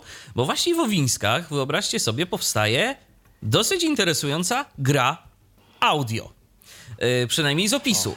No to ma być gra przeznaczona dla widzących. To nie jest żadna gra dedykowana niewidomym, ale to ma być horror w wersji audio. Yy, już, już się ponoć można z jakimś tam demem zapoznać. Wszystko na stronie. Ale to tak jak trochę Papa Sangre było, tak. nie czy pamiętasz na iPhone'a. Dokładnie, dokładnie. Było, było. Rosemary's Fate ktoś... Y, się ta gra nazywa, mm, ale to dokończ I ktoś, to może. I ktoś a propos tego właśnie Papa Sangre, gdzieś widziałem, że nawet jakąś pracę licencjacką czy doktorską z muzyki y, pisał a propos tej muzyki takiej horrorowej, która tam była Aha. wykorzystana. Szkoda tak swoją drogą, że Papa Sangre niestety, niestety się zwinęło, bo tam jakieś kwestie były licencyjne i tego już nie można sobie pobrać, nawet jak to się y, kupiło zdaje się. Już, to, już, to już tego nie ma w ogóle. No. Natomiast co ja do... Ja słyszałem, że też jakieś zmiany w Apple'u a też tym, możliwe. Ciągle też jakieś możliwe. API, mhm. stare, nowe, to się sypało strasznie i oni potem stwierdzili, że oni nie będą tego ciągle rozwijać, jak Apple im ciągle usuwa podłogę spod nóg i po prostu zamienia stare API na nowe i to jest po prostu gonienie króliczka, którego nigdy mhm. nie dogonimy. Natomiast wracając do, natomiast wracając do y, Rosemary's Fate, y, to będzie gra, y, której akcja toczyć się będzie w trakcie II wojny światowej, podczas tej akcji T4, mm, kiedy to eliminowali naziści, wszelkich tam osoby ludzi, tak, osoby też. niepełnosprawne mm, w różnym stopniu. No i my nie wiem, w kogo się wcielimy, nie wiem, co my tam będziemy robić. Y, w każdym razie gra ponoć y, polega na, na razie przynajmniej, na poruszaniu się strzałkami, używaniu klawisza tab. Nie ma tam w ogóle żadnego narratora. I my tak naprawdę musimy się sami orientować, o co tam chodzi. Y, więc to też jest w ogóle ciekawe. Tak zajrzałem sobie na opis tego, tego projektu, że tu w ogóle nie, że tu w ogóle nie ma żadnego narratora, który by nam udzielał jakichś wskazówek. Nie, my po prostu zakładamy słuchawki i radź sobie człowieku. Tak, y, tak, tak, tak przynajmniej wyczytałem z opisu. Y, strona Rosemary's Fate, rosemarysfate.com. Jest tam jakieś demko do pobrania. Widzę, że tu Marek zamieścił też link do y, dysku Google, z którego można sobie pobrać, więc ja to też podrzucę w komentarzach pod audycją. Jeżeli ktoś będzie chciał sobie pograć, będzie chciał się pobawić tym i być może jakieś uwagi też zgłosić, no to na pewno będę będą one mile widziane. Ja się tak. tylko zastanawiam, kto za to wszystko odpowiada, bo ja w tym ośrodku byłem i to wcale nie tak dawno. Ja tam absolutnie nie widziałem jakby nikogo, kto by mógł taką inicjatywę przeprowadzić. Więc mnie bardzo zaskoczył ten news. Kto by mógł i kto by chciał. Od tego w ogóle zacznijmy. No widać, ktoś się znalazł. Okay, A to... tymczasem właśnie Mikołaj, jak już jesteś przy głosie, bo tutaj długo i wytrwale szukasz programu do... Szukałeś, może jeszcze szukasz tak. mimo wszystko, do jakiegoś zarządzania, powiedzmy, jakąś, listą, jakąś listę zadań, czy, czy coś tego typu. I jakiś tak, sukces tak. osiągnąłeś. Tak, i szukałem, szukałem, nic tak naprawdę nie do końca, nie mogło mnie do końca usatysfakcjonować. Pytałem na listach gdzieś tam różnych, bo tak naprawdę czego potrzebowałem? Aplikacji na iOSa, aplikacji na Windowsa, ewentualnie weba zamiast Windowsa, bo to jakby jedno i to samo ważne, żeby na komputerze jakiś dostęp do tego był. No i żeby się to jakkolwiek synchronizowało, żeby to współgrało po prostu ze sobą, miało to jakiś sens. I, no i żeby było wiadomo dostępne. No i testowałem różne rzeczy, testowałem yy, rozwiązanie od Google'a, jakoś mi to nie przypadło do gustu. Testowałem rozwiązanie od Apple'a, które może jest fajne, jeżeli ktoś ma Maca, ale no ja Maca nie mam. No i w końcu zdecydowałem się na rozwiązanie od firmy Microsoft. Aplikacja nazywa się dość prosta, bo Microsoft To Do jest dostępna. Był o niej podcast zresztą też. Tak, robiliśmy, brałem w nim udział też. Dzwonimy ja chyba ty Michale i ja. Zgadza się. Dobrze. To działało dobrze, tylko wtedy, no kiedy ja to testowałem, to była jedna Mike... z pierwszych wersji, więc to była tak, bardzo prosta aplikacja. Ale Microsoft, jeżeli chodzi, Microsoft, jeżeli chodzi o Todo, oni dość e, też e, często tam w changelogach e, podają informacje, że oni coś z dostępnością robią. Także tak, ta aplikacja jest taka dość I to prężnie działająca. działa i to mhm. działa to, dość fajnie. Widget. Jest aplikacja to jest WP na Windows 10 i ona działa dobrze. Ja jestem zadowolony. Jest aplikacja na iOS-a, która też działa dobrze, jestem z niej zadowolony. Jest integracja z Siri, jest właśnie pełna synchronizacja, wiadomo, po koncie Microsoft. Czyli nie muszę się przejmować tym, że coś zapiszę na telefonie i mi to teraz zniknie, bo mi się to na komputerze nie pokaże. Wszystko jest. Są różne listy. No tak naprawdę wszystko, co byłoby mi potrzebne w tej aplikacji jest. I jest to w dodatku aplikacja darmowa, nie ma żadnej subskrypcji, żadnej tego typu zabawy. Więc jeżeli ktoś chce, to właśnie ta aplikacja może rozwiązać właśnie taki problem. Ale czy to, to naprawdę... typowa lista zadań, czy tam jest jeszcze jakiś kalendarz albo notatnik? No taki notatek, które nie są z niczym powiązane z czasem na przykład. I notatnik to są osobne aplikacje jakby Microsoftu. Aha. One są. Yy, I to okay. nawet w mailu gdzieś tam, on, one się jak, jakoś tam łączą, bo właśnie Microsoft Studio nam proponuje utworzenie listy flag mail, czyli oflagowanych maili i jeżeli używamy poczty Windows 10 i sobie maila oflagujemy, to on może na przykład automatycznie nam trafić do tej aplikacji, że powiedzmy, nie wiem, dostaniemy maila, że musimy coś zrobić, klikamy oflaguj i on nam automatycznie tu trafia i, mm. i wiemy, że musimy się tym prędzej czy później zająć. Ale, ale to są osobne jakby aplikacje. Tak jak Google trochę. To też są kalendarz tu, coś tam tu. Miło by było naprawdę, żeby a propos Google'a, to w końcu tego Keepa poprawili na iOSie, bo to, no, to aż by człowiek tego poużywał, a się nie da po prostu. No. W Androidzie jest fajne to w Tudu, że, że jest y, w obszarze powiadomień y, taki widget, w którym po prostu możemy kliknąć i dodać zadanie nowe. Jedna linijka Ciekawe? tekstu się pojawia, wpisujemy to klikamy OK. Ciekawe, czy na iOSie jest, bo tam też są przecież te widgety w centrum powiadomień. Musisz ja z nich jakoś nie korzystam. Więc trzeba by to sprawdzić, ale może Siri pewnie integracja z Siri, która jest fajna. Można sobie mhm. skrót Siri utworzyć i, i używać. O, sam, aż, aż sobie muszę sprawdzić y, i porównać na Androidzie, czy, czy, Andro, czy na Androidzie mimo wszystko Google, czy może jednak Microsoft. Będzie działał. Zobaczymy. I taki ostatni, taki związany ze środowiskiem dość mocno news, też pozytywny, jakoś ten początek roku jest taki, taki fajny. 88 nowych filmów z audiodeskrypcją pojawiło się w DZDN-ie i Paweł o tym Pasarczyk. Y, tak, no powiem niewiele, bo sam nie jestem użytkownikiem, ale cieszę się w imieniu tych, którzy korzystają, bo y, pojawiło się rzeczywiście tych filmów trochę dużo. Y, między innymi Rzymskie wakacje, Cicha noc, to widziałem, dobry film. Ja polecam, Mietczyński poleca. Jak Mietczyński poleca, to jest dobrze. Jak pies kotem, Solidarność według kobiet, czy Modi? Ma Maudie. Teraz się wykażę ignorancją, bo nie znam tego filmu. Może go źle czytam. Ale takie filmy i wiele, wiele więcej y, teraz w ofercie TZDN. No a pamiętam, że oglądałem z tych zasobów y, z kimś kiedyś idę. I, i, I tam to audiodeskrypcja była rzeczywiście potrzebna, więc jak najbardziej.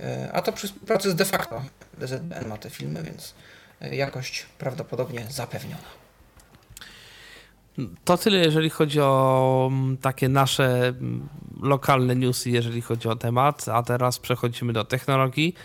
No może Paweł, jak już jesteś przy głosie, to może zacznij, bo ty masz tych newsów dość sporo.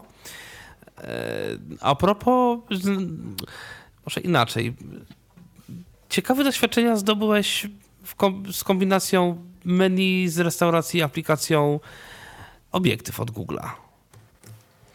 Tak, i ja to nawet mogę za chwileczkę zademonstrować, y, ale może najpierw opowiem o co chodzi, bo to jest szybka sprawa, to nie zajmie długo. Y, w dużym skrócie, nie wiem jak wy czytacie menu w restauracjach. Y, ja zazwyczaj oczywiście patrzę na stronę, czy jest możliwe odczytanie ze strony. Jak mam szczęście, to jest. Jak nie, to mam taką sytuację jak w pewnej cukierni kiedyś, gdzie Y, żeby dostać się do menu, musiałem z kodu strony wyciągnąć pliki JPG, bo to było nie dość, że obrazek, to jeszcze taki slajd, pokaz slajdów, który, gdzie nawet screenreader nie widział tych zdjęć jako grafikę, tylko jako linki do przesuwania się na konkretny slajd. Wyciągałem, wtedy jeszcze nie było OCR zresztą w NVDA ani w Chromie. Wyciągałem z kodu strony pliki JPG, zapisywałem sobie na komputerze i przeszukiwałem je fine readerem. No I też wynik był dość opłakany, ale przynajmniej dało się tam coś zobaczyć, że takie ciasto mają albo ten, taką kawę mają. I tak musieliśmy się dopytać, bo to potem się okazało, że, że cen nie widać i tak dalej. Zdarza się też, że te menu, yy, no nie całkiem przypadkiem, ale pojawią się w jakimś pysznym PL, Pizza Portal, może w Volcie, może w Uber Eats.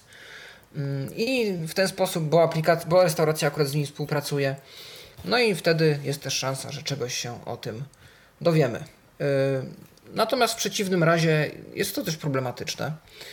Mm, zwłaszcza jak się potem kelnerów pyta o całe menu, no widać, że jest to za długie, żeby to przeczytać wszystko naraz, zajmuje to dużo czasu, mm, więc y, no jest z tym często problem.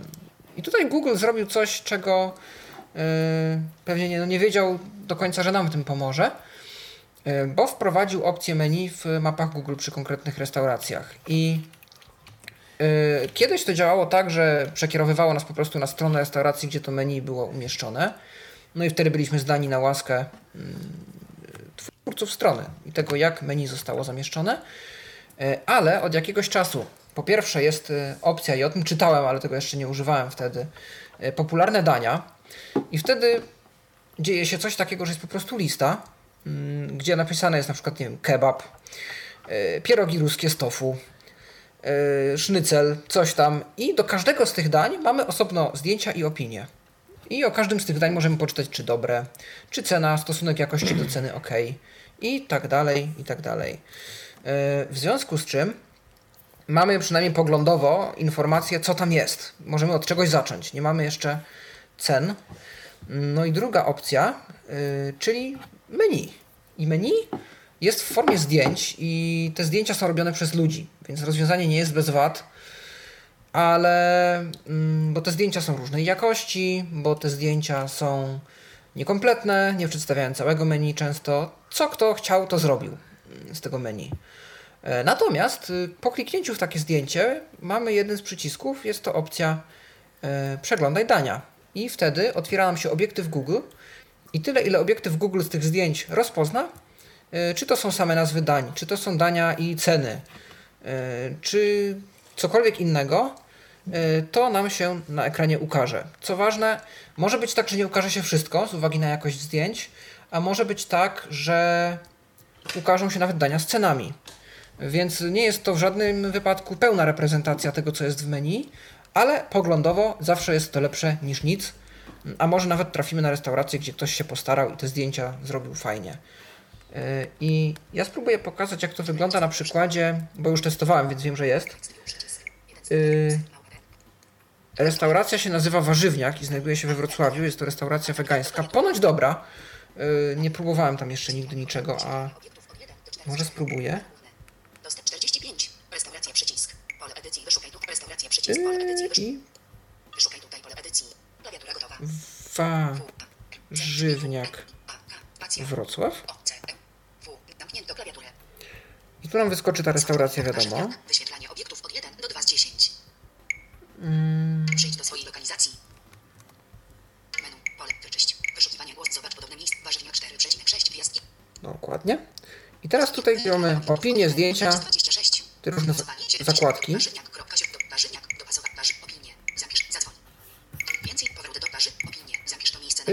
Opinie. O, i tu jest menu. Naciskamy na menu.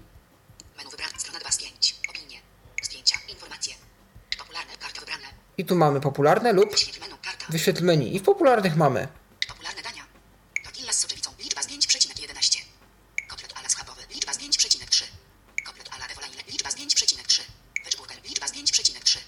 Ramen wyświetlanie obiektów od bitki sojowe. Ramen z tofu wędzonym. Liczba zdjęć przecinek 2. Bitki sojowe. Liczba zdjęć przecinek 2. I tak dalej, i tak dalej. Więc tu już yy, widać, że jakie są dania. Jak sobie klikniemy, to pewnie możemy o nich więcej poczytać yy, i się zdecydować, czy nam to będzie odpowiadało, czy nie.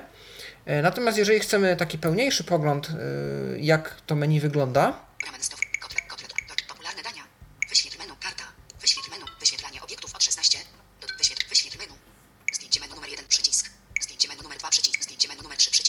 mamy tutaj różne strony menu zrobione przez jednego z odwiedzających, z gości tej restauracji.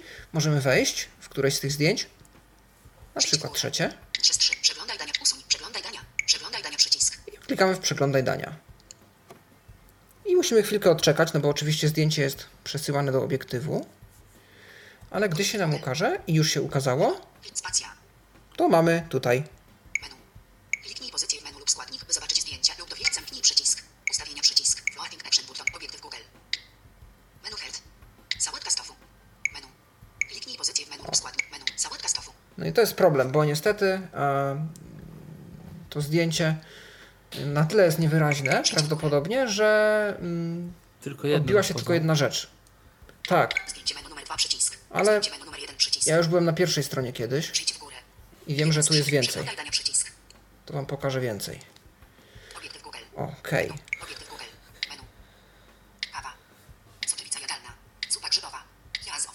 Czy ja z owocami.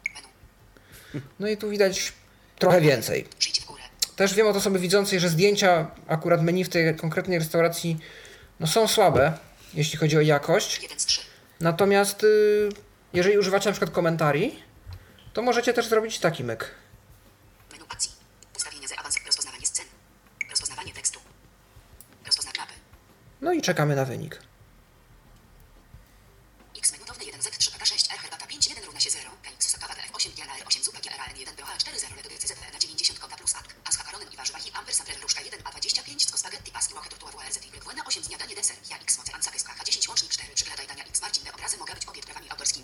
Dokładnie. Niestety za wiele pewnie nie zrozumieliście. Ja zrozumiałem spaghetti, więc tu się można pobawić w takie zagadki troszeczkę. Tak, jakaś Kawa, resztka herbata, zupy grzybowej chyba. Tak. Tak, śniadanie, pancakes, pancakes. E, ale żeby odczytać z tego ceny, no to już ciężko. To już Natomiast problem, e, tak. co by nie mówić, nie no, dobrze, jest to dobrze, chyba lepsze. w razie niż... czego cokolwiek jest, no to już przynajmniej no lepsze to niż nic. Yy, oczywiście no... Słuchajcie, to ja sobie otworzyłem ideał, też jednak. taką lokalną jedną pizzerię i w, na iOSie tu mam też y, zakładkę menu i mam takie coś. E, co zamawiają goście na podstawie zdjęć i opinii. I to jest śmieszne, bo tak, mamy pizza pepperoni, y, pizza meksykańska, jakiś tam kotlet y, z kurczaka w chrupiącej panierce i tak dalej, i tak dalej, ale później mamy Danie bez nazwy. O tak, to już bez też nazwy. widziałem, Tak. bo ktoś tego nie podpisał po prostu. Więc jest to też, no to, jest, to się dzieje przy crowdsourcingu, że, że tu musimy my się zdyscyplinować. e, No i to jest tak jak w wszystkie dane przypadku wprowadzać. na przykład OpenStreetMap i pewnie takich różnych y, rzeczy będzie no coraz więcej, które są tworzone przez użytkowników i my wszyscy to będziemy poniekąd tworzyć, taką mapę świata. I podejrzewam, że no, to jest bardzo tania opcja, więc pewnie sporo film będzie. Ale, najcieka- ale słuchajcie, co ciekawe jest to, że jak, y, jakoś to że, działa. jak się, że jak się dostałem w ogóle do tego, to tu on próbuje jakoś inteligentnie rozpoznawać te rzeczy i mam Offerings. Łączę. Obrazek. Karton. Pizza. Offerings. Łączę. Obrazek. Pizza. Talerz. Offerings. Łączę. Obrazek. Roślina ozdobna. Stół. Zestaw stołowa. na przykład takie Aha. rzeczy. Bo Jak, to iPhone. tak, tak, i on to Bo już iPhone ma te teraz takie. Tak, ma też sztuczną inteligencję, roślina, zastawa stołowa i tak dalej, i tak dalej. Więc tu ktoś wi- widzę, że rzeczywiście zrobił zdjęcie. Ja zaraz się też spróbuję tym pobawić, czy da się to do jakiegoś OCR-a wyeksportować. No Y, właśnie to, to Seeing AI byłoby fajnie wyrzucić, No właśnie. Nie? Na przykład albo do Envision. No. Ale No. nie widzę tu opcji udostępnień niestety, żeby to zdjęcie gdzieś tam dalej... Nie robią dlatego, że one są pewnie. Tak, pewnie Albo dałoby zrobić się screen. screena. Tak, screen, tylko screenshot byłby wtedy z samego ekranu. No okej, okej, okej, okej. No ale jak robisz Bo ja pokombinuję komentarze, w to też komentarzach. ekranem. Dobra, no, w każdym razie. No to pobawimy się. Nie, bo do komentarzy możesz konkretny element podświetlić i Mhm. ja go zeskanuję. No tak. Ale okej, y, myślę, że można by... Ja w komentarzu napiszę, czy jak się uda. Jak się nie uda, to nie. No to takie jest, no to takie Słuchajcie, coś, ale jest, jest szansa. jest, opcja, news. jest opcja po trzykrotnym stuknięciu w ten link, jest dodaj do zdjęć, y, więc można sobie dorzucić do galerii y, i wtedy można tam ewentualnie próbować Sync AI na I przykład. przez Chiny na Filipiny, ale się uda. No. Tak. No to teraz taki news Mikołaja, opisany dość węzłowato i krótko. O, y, na UWB. temat UWP, tak.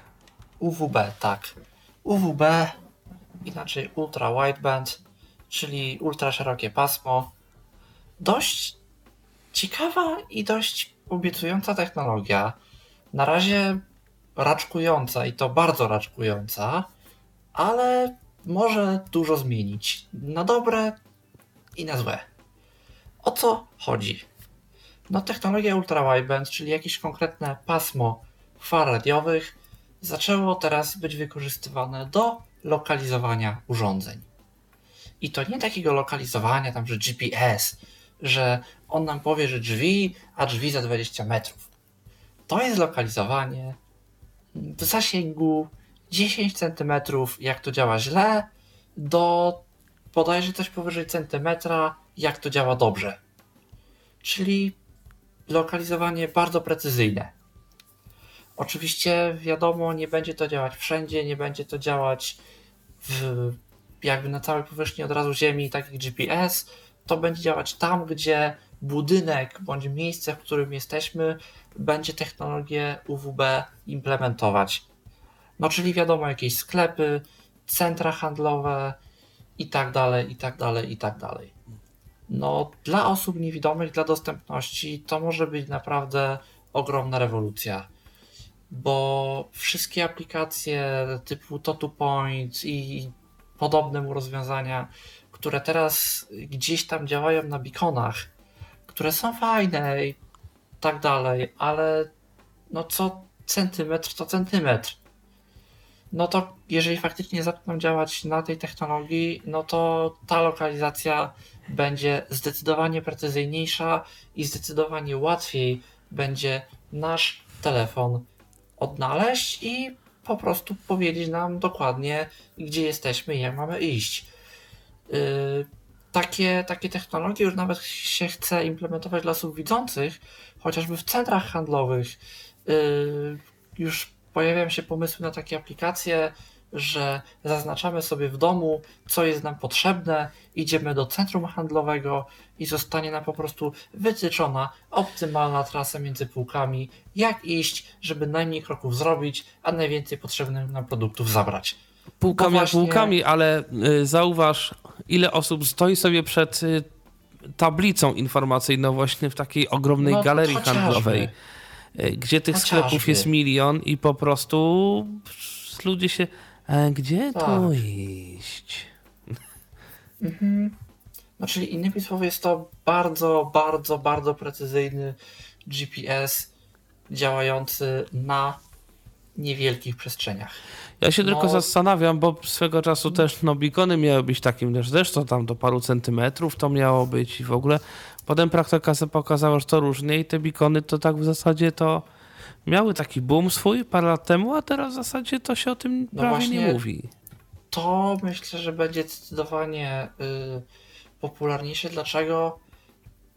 Nie potrafię jakby dokładnie wyjaśnić o co ma chodzić ale podobno, jeżeli ta technologia jest już zaimplementowana, to trochę trudno urządzeniu się z tego jakby wypisać i tego nie używać, bo to jest coś związane z sygnałem Wi-Fi też i tak dalej. Ja nie wiem jakby dokładnie jak to ma działać, ale chodzi generalnie o to, że to ułatwi y, wszelkiego rodzaju instytucjom po prostu dokładne śledzenie, jakimi trasami chodzą klienci co wiadomo, targetowanie reklamy, analiza danych, data mining i tak dalej, i tak dalej, i tak dalej. No i to jest właśnie to zagrożenie dla prywatności, że jeżeli ta technologia faktycznie wejdzie, to nasze kroki będą tak naprawdę śledzone co do, co do centymetra i, i będziemy, nie wiem, idąc sobie po centrum handlowym, jeżeli zatrzymamy się na przykład tylko na chwilę przed regałem, zdajemy na to, nie wiem, testami ciążowymi, to już od razu się w systemie zapali czerwona lampka, że o, ta osoba... Wiesz co, ale, chyba tego tak nie, nie unikniemy. Znaczy ja myślę, że w tym momencie bardzo fajny, znaczy bardzo fajny, no w bardzo ciekawy sposób jest mimo wszystko ten taki trochę w cudzysłowie, trochę niekoniecznie w zależności od poglądów taki totalitaryzm jest prowadzony, znaczy jakby sami użytkownicy siebie y, specjalnie mm. w te mhm. kontrole wprowadzają i jeżeli to rzeczywiście będzie tak tak dokładne. Jeżeli to będzie dobrze zrobione, to użytkownicy sami w to wejdą. Z tego co wiem, w urządzeniach typu GPS urządzeniem lokalizującym jest nasz smartfon, czyli satelita nie wie o tym, że nasz tak, smartfon używa tak, to fakt. Tutaj, Satelita nie wie, ale wiem, mapy Google już wiedzą. Tak, to swoją drogą. Tutaj z tego co wiem jest odwrotnie. To sklep lokalizuje nasz smartfon i wysyła mu jesteś tutaj Mhm. Y, no i teraz tak, gdzie ta technologia jest bądź będzie wprowadzona? Po stronie urządzeń klienckich, po stronie smartfonów, na razie jest to iPhone 11. Y, na razie wykorzystanie jest dość ograniczone, bo jeżeli używamy technologii AirDrop, czyli wysyłanie coś iPhone do iPhone'a i mamy dwa iPhony korzystające właśnie z tej technologii możemy skierować jednego iPhone'a w kierunku drugiego iPhone'a i on nam od razu na liście urządzeń AirDrop gdzieś tam wskaże, podświetli to konkretne urządzenie, co nam ułatwi. A czy, a czy te lokalizatory jakieś, które Apple tam miał wypuszczać, to też nie działają w ten sposób? Tam ponoć Apple miał jakieś lokalizatory wypuszczać, które ma, kosztowały jakieś ciężkie pieniądze, jak na lokalizatory oczywiście, ale no właśnie ponoć to miała być jakaś rewolucja. Bardzo możliwe, bardzo możliwe, że to też będzie ta technologia. Skoro iPhone 11 to wspiera, no nie zdziwiłbym się. Yy, no i druga firma, która jeszcze tego nie wprowadziła, ale to wprowadzi, to jest firma Cisco, yy, która chce zaimplementować te technologie w routerach Wi-Fi bo bardzo dużo właśnie takich poważniejszych, że tak powiem, instytucji typu właśnie galerie no tak, handlowe. Tak, to z tego korzystają.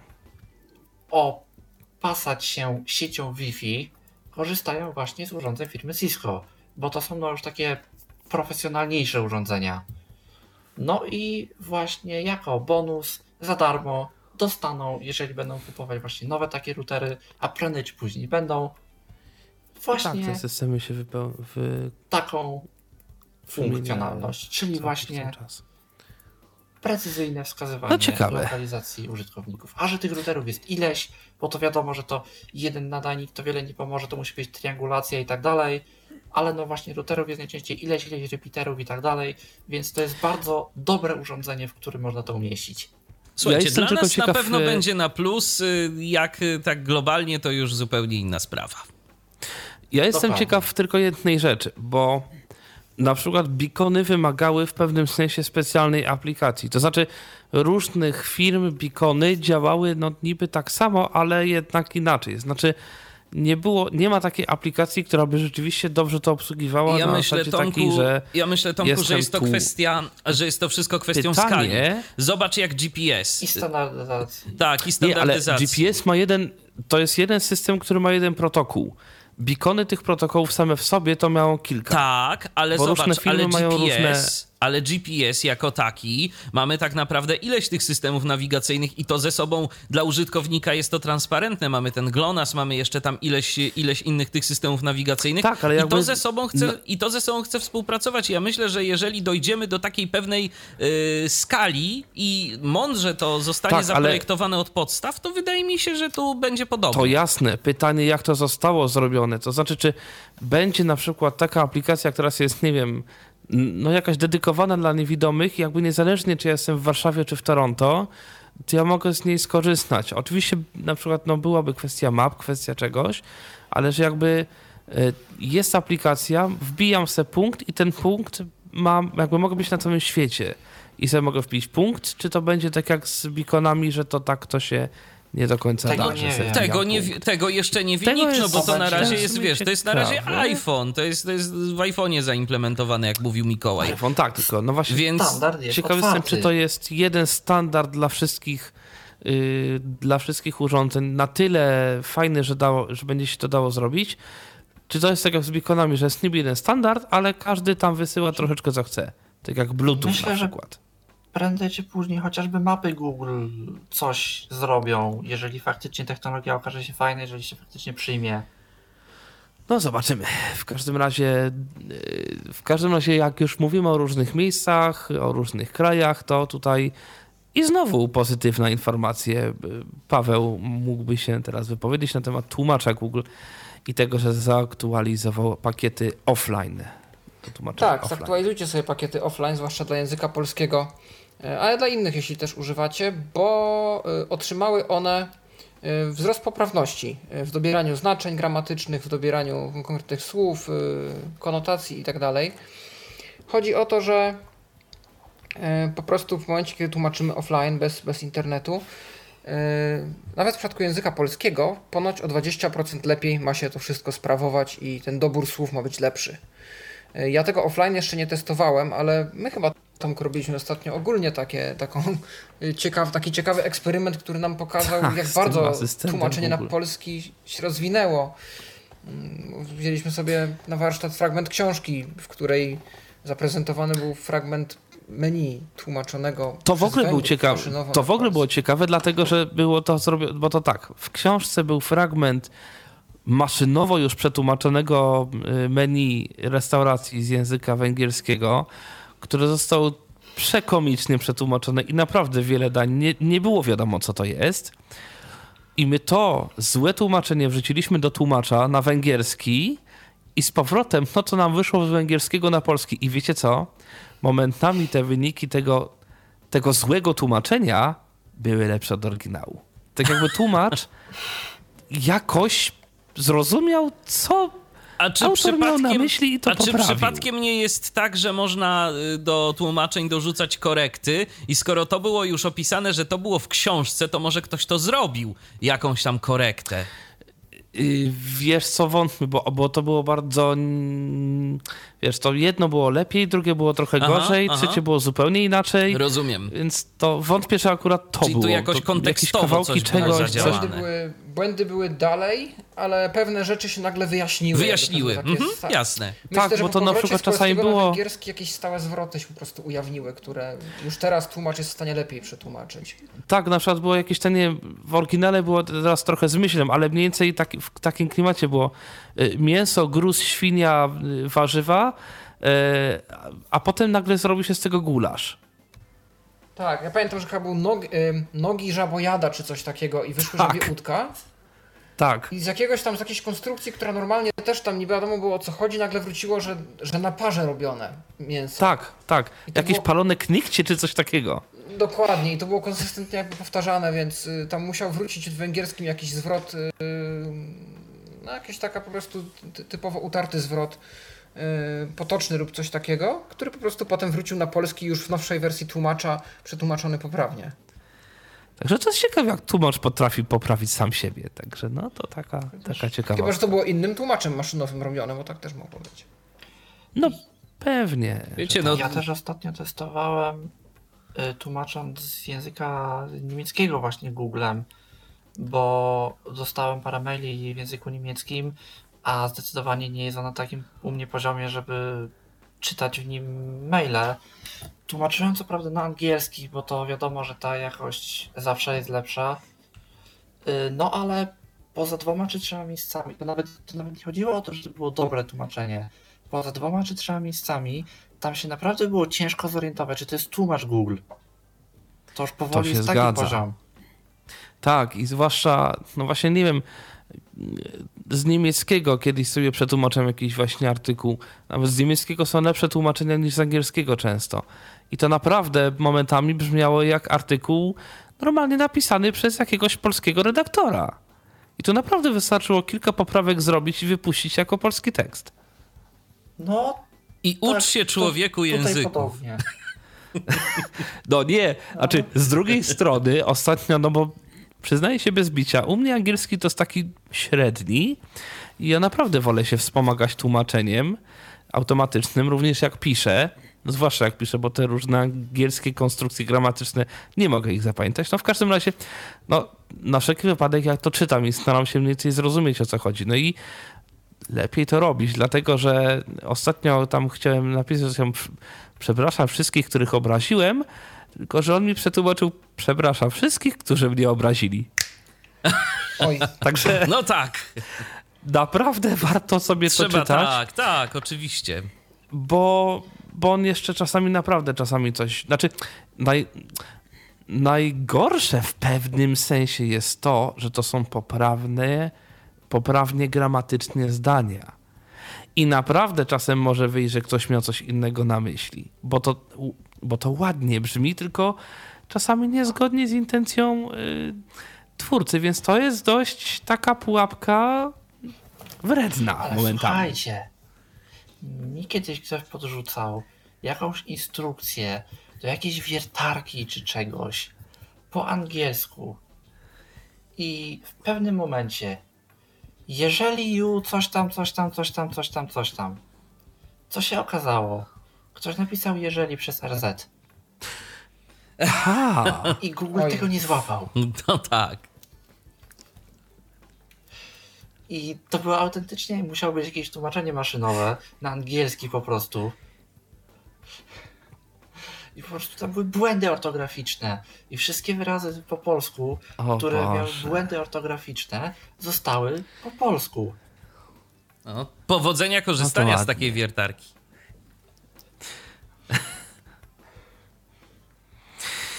No tak. y, To Miki, jak już jesteś przy głosie, to opowiedz o swoich przygodach z instalacją iPhone'a, bo tu podobno nie jest tak różowo, jak to się czasem opisuje. No, biorę iPhone'a, dostałem iPhone'a 8 do moich rąk, uruchamiam, wszystko fajnie. O, widzę, że masz starego iPhone'a, czy chcesz przetransferować dane? Ano, chcę. Wszystko fajnie, robi się transfer, musimy zaktualizować system. Dobra jest, zaktualizuj system. System się zaktualizował. Transferring. Nic. Czy nawet, nawet nie, na początku system nie chciał zaktualizować, jakoś mi się, mi się to w końcu udało anulować. Transferring.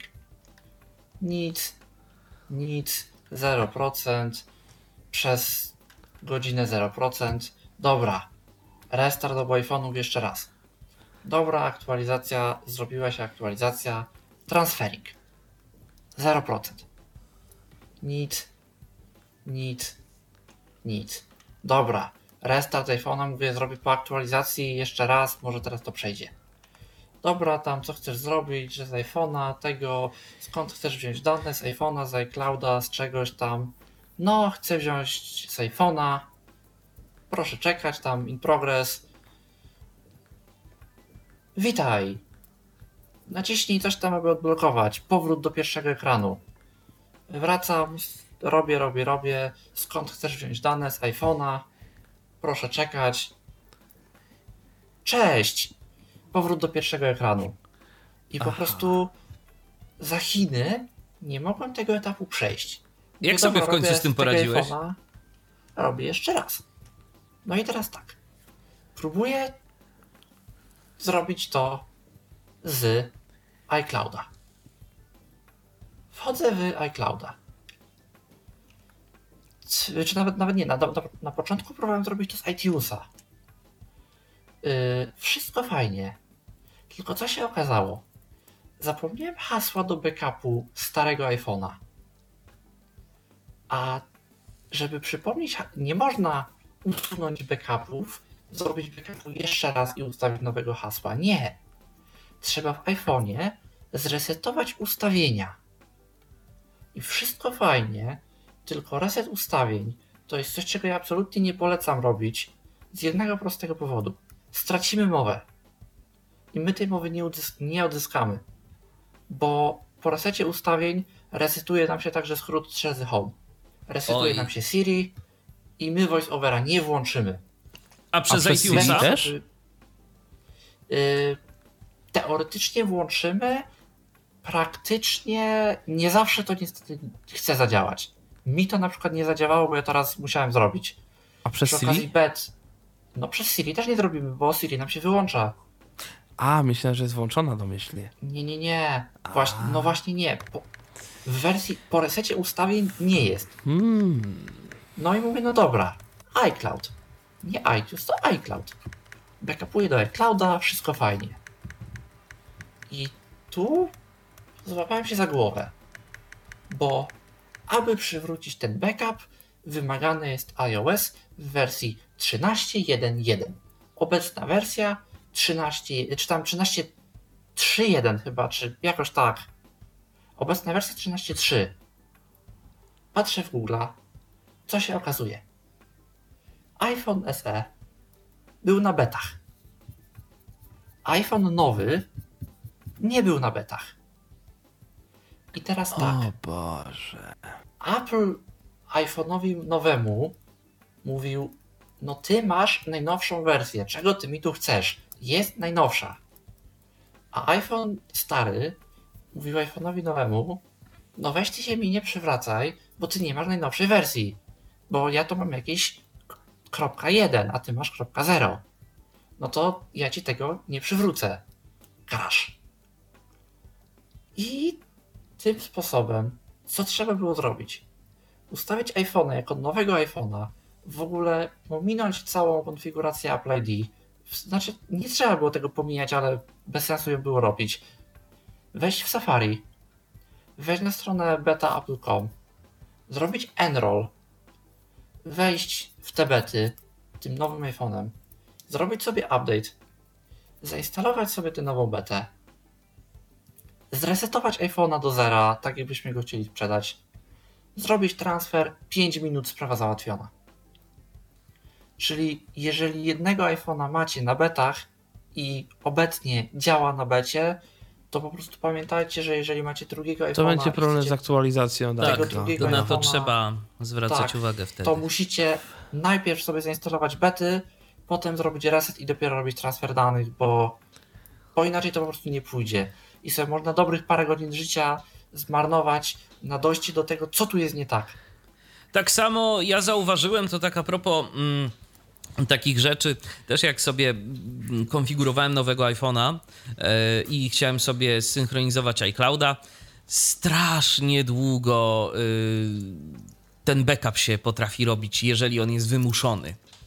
Y, On niby ma tam już powiedzmy 90 parę procent, ale na tym się potrafi zatrzymać i potrafi się zatrzymać na dobrych kilkanaście albo nawet kilkadziesiąt minut. Nie wiem z czego to wynika, ale on tak, on tak czasem ma, kiedy wymusimy, bo, bo chciałem sobie po prostu już do samego końca to synchronizować, wiecie, żeby, żeby po prostu wszystko, wszystko już było, wyłączyć wtedy ten, ten telefon, czy, czy nawet go wymazać już od razu. Bo to było, a już wiem o co tu chodziło, bo to było tak, że on, jak ja sobie wymazuję y, te dane, to on mnie jeszcze pyta, y, tu masz jakieś niesynchronizowane dane, czy ty chcesz je synchronizować z iCloudem? Tak. I czekam. I czekam. I czekam, i czekam chyba godzinę. W końcu dałem pomiń i się potem okazało, że się i tak wszystko zsynchronizowało. Może jakiegoś tam jednego SMS-a nie dostałem. No tak. Ale smuci mnie trochę to, że mimo wszystko, mimo że to jest beka, mimo że to jest tak potwierdzane przez oba telefony, przez wszystko, to duża część aplikacji po prostu nie przenosi danych i po hamsku wymusza przelogowanie się. Chociażby jest to kwestia banku. No, ta, no tak, ale gdybyś miał, wiesz, gdybyś miał, yy, podejrzewam, że gdybyś miał backup przez iTunesa robiony, yy, to, taki, nie, nie. to takiej sytuacji by nie było przez iClouda. Nie. Przez iClouda. To nie jest backup przez, to nie jest backup przez iClouda, to jest backup iPhone, A, iPhone. iPhone, iPhone. Okej, okay. okay, bo ty w końcu tak to zrobiłeś. O to chodzi. Mhm, rozumiem. Tak, tak, tak. To tak to zrobiłem. I jeżeli mamy faktycznie niebetową wersję, jakąś normalną tego systemu, to to działa naprawdę fajnie. I to się naprawdę przyjemnie, szybko robi. I tam naprawdę mało trzeba. No ale wiesz, z drugiej strony, ustawień... z drugiej strony Mikołaj, mhm. bety są dla tych, którzy chcą się rzeczywiście bawić tak, i którzy chcą tylko, testować. No, wiadomo. Więc y, tu jakby... Wiem, po, pokaż mi informację, co rybatorzy, nie masz bety. Dokładnie. Tego by, tego by się przydało oczekiwać, ale Apple nigdy nie był szczodry w dzieleniu się informacjami, co poszło nie tak. Niestety. Znaczy no to tak. w ogóle jest Albo przecież trend, pokaż tak? Mi chociażby błąd, a nie mhm. wywalaj mi po prostu do ekranu tak, cześć. I... Dokładnie, dokładnie. Zrób coś. Dokładnie, przecież nawet te, przecież teraz jest tam moda ups, coś poszło nie tak, pracujemy nad no, tym, no, siema. No, no. E, ale... To na pewno byli kosmici. Tak, widziałem taki błąd. Albo z drugiej ale z drugiej strony, słuchajcie, to też nie jest do końca tak, bo jak ktoś wie, gdzie szukać, przynajmniej właśnie w, w, w Google'ach na przykład, bo to, bo to Google tak ma, to te logi błędów to są dość mocno szczegółowe, y, tylko dostać się do tego i wiedzieć, gdzie to jest zagrzebane, no to jest też inna sprawa. Chromie na przykład, jak mamy komunikat, ups, coś poszło nie tak, albo tam, o kurczę, co, co, coś, coś, się, coś się tu stało. No to jest taki dla takiego użytkownika, który chce kliknąć tam sobie przycisk uruchom ponownie, tak? Ale jak się dostaniemy do tego tam about, yy, nie flags, tylko tam jest jakiś ten inny, yy, inny about i, i tam się możemy zapoznać z tymi logami, no to lektura, a lektura. To przynajmniej coś jest i to dużo jest. I jest dużo, jest dużo. w ogóle teraz Chrome też w ogóle teraz ma tak jak w grach kiedyś były takie kody, że się wpisywało kody i tak, coś tam można było zrobić. Tak, to, to, teraz w Chromie już nawet jak są jakieś tam błędy o certyfikatach SSL i on nas nie przepuści, nie przepuści po prostu. To się okazuje, że jak wyłączymy sobie tryb przeglądania, czyli wejdziemy w taki tryb, jak, w jakim jest normalnie widzący i wpiszemy bodajże this is unsafe, czyli to jest niebezpieczne, to się nagle jednak okazuje, że Chrome nas przepuści. przepuści. To tak a propos Chroma, to Paweł tutaj wynalazł kilka jakichś e, dostępnościowych zmian w Chrome właśnie w wersji 79. A owszem, jest ich trochę e, dużo, ale niektóre sobie omówimy.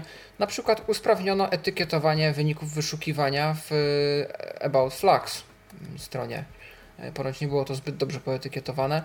Tak samo w przypadku NVDA szybciej jest odczytywana na tej stronie mm, informacja, że są dostępne wyniki wyszukiwania, jeżeli zaczynamy coś wpisywać.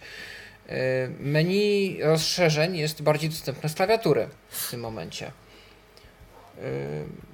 tak na przykład można też przesuwać kolejność zakładek w pasku aktualnie otwartych kart. Skrótem zdaje się shift w lewo, shift w prawo. Yy, tutaj też Ciekawe, widać, co że... edycji zrobili. Słucham? Ciekawe, czy coś z polami edycji zrobili, bo tam był problem. Chyba nie. Tutaj jeszcze widzę, że mm, na stronie Chrome dwukropek accessibility y, jest też poprawiona, poprawione są podpisy różnych elementów i etykiety. Tak, teraz można też filtrować tą stronę Chrome Accessibility, żeby się skupić na konkretnych elementach tego drzewa dostępności. Y, Chrome Flux, y, menu rozszerzeń w Chrome Flux też ma lepszą obsługę klawiaturą. Tak, y, zakładki mogą być, to co mówiłem, przesuwane jeżeli jesteśmy na pasku zakładek, na tym tab strip, na tym pasku kart, możemy robić shift w prawo lub w lewo. Tak. Yy, tu coś z kontrastem też poprawiono.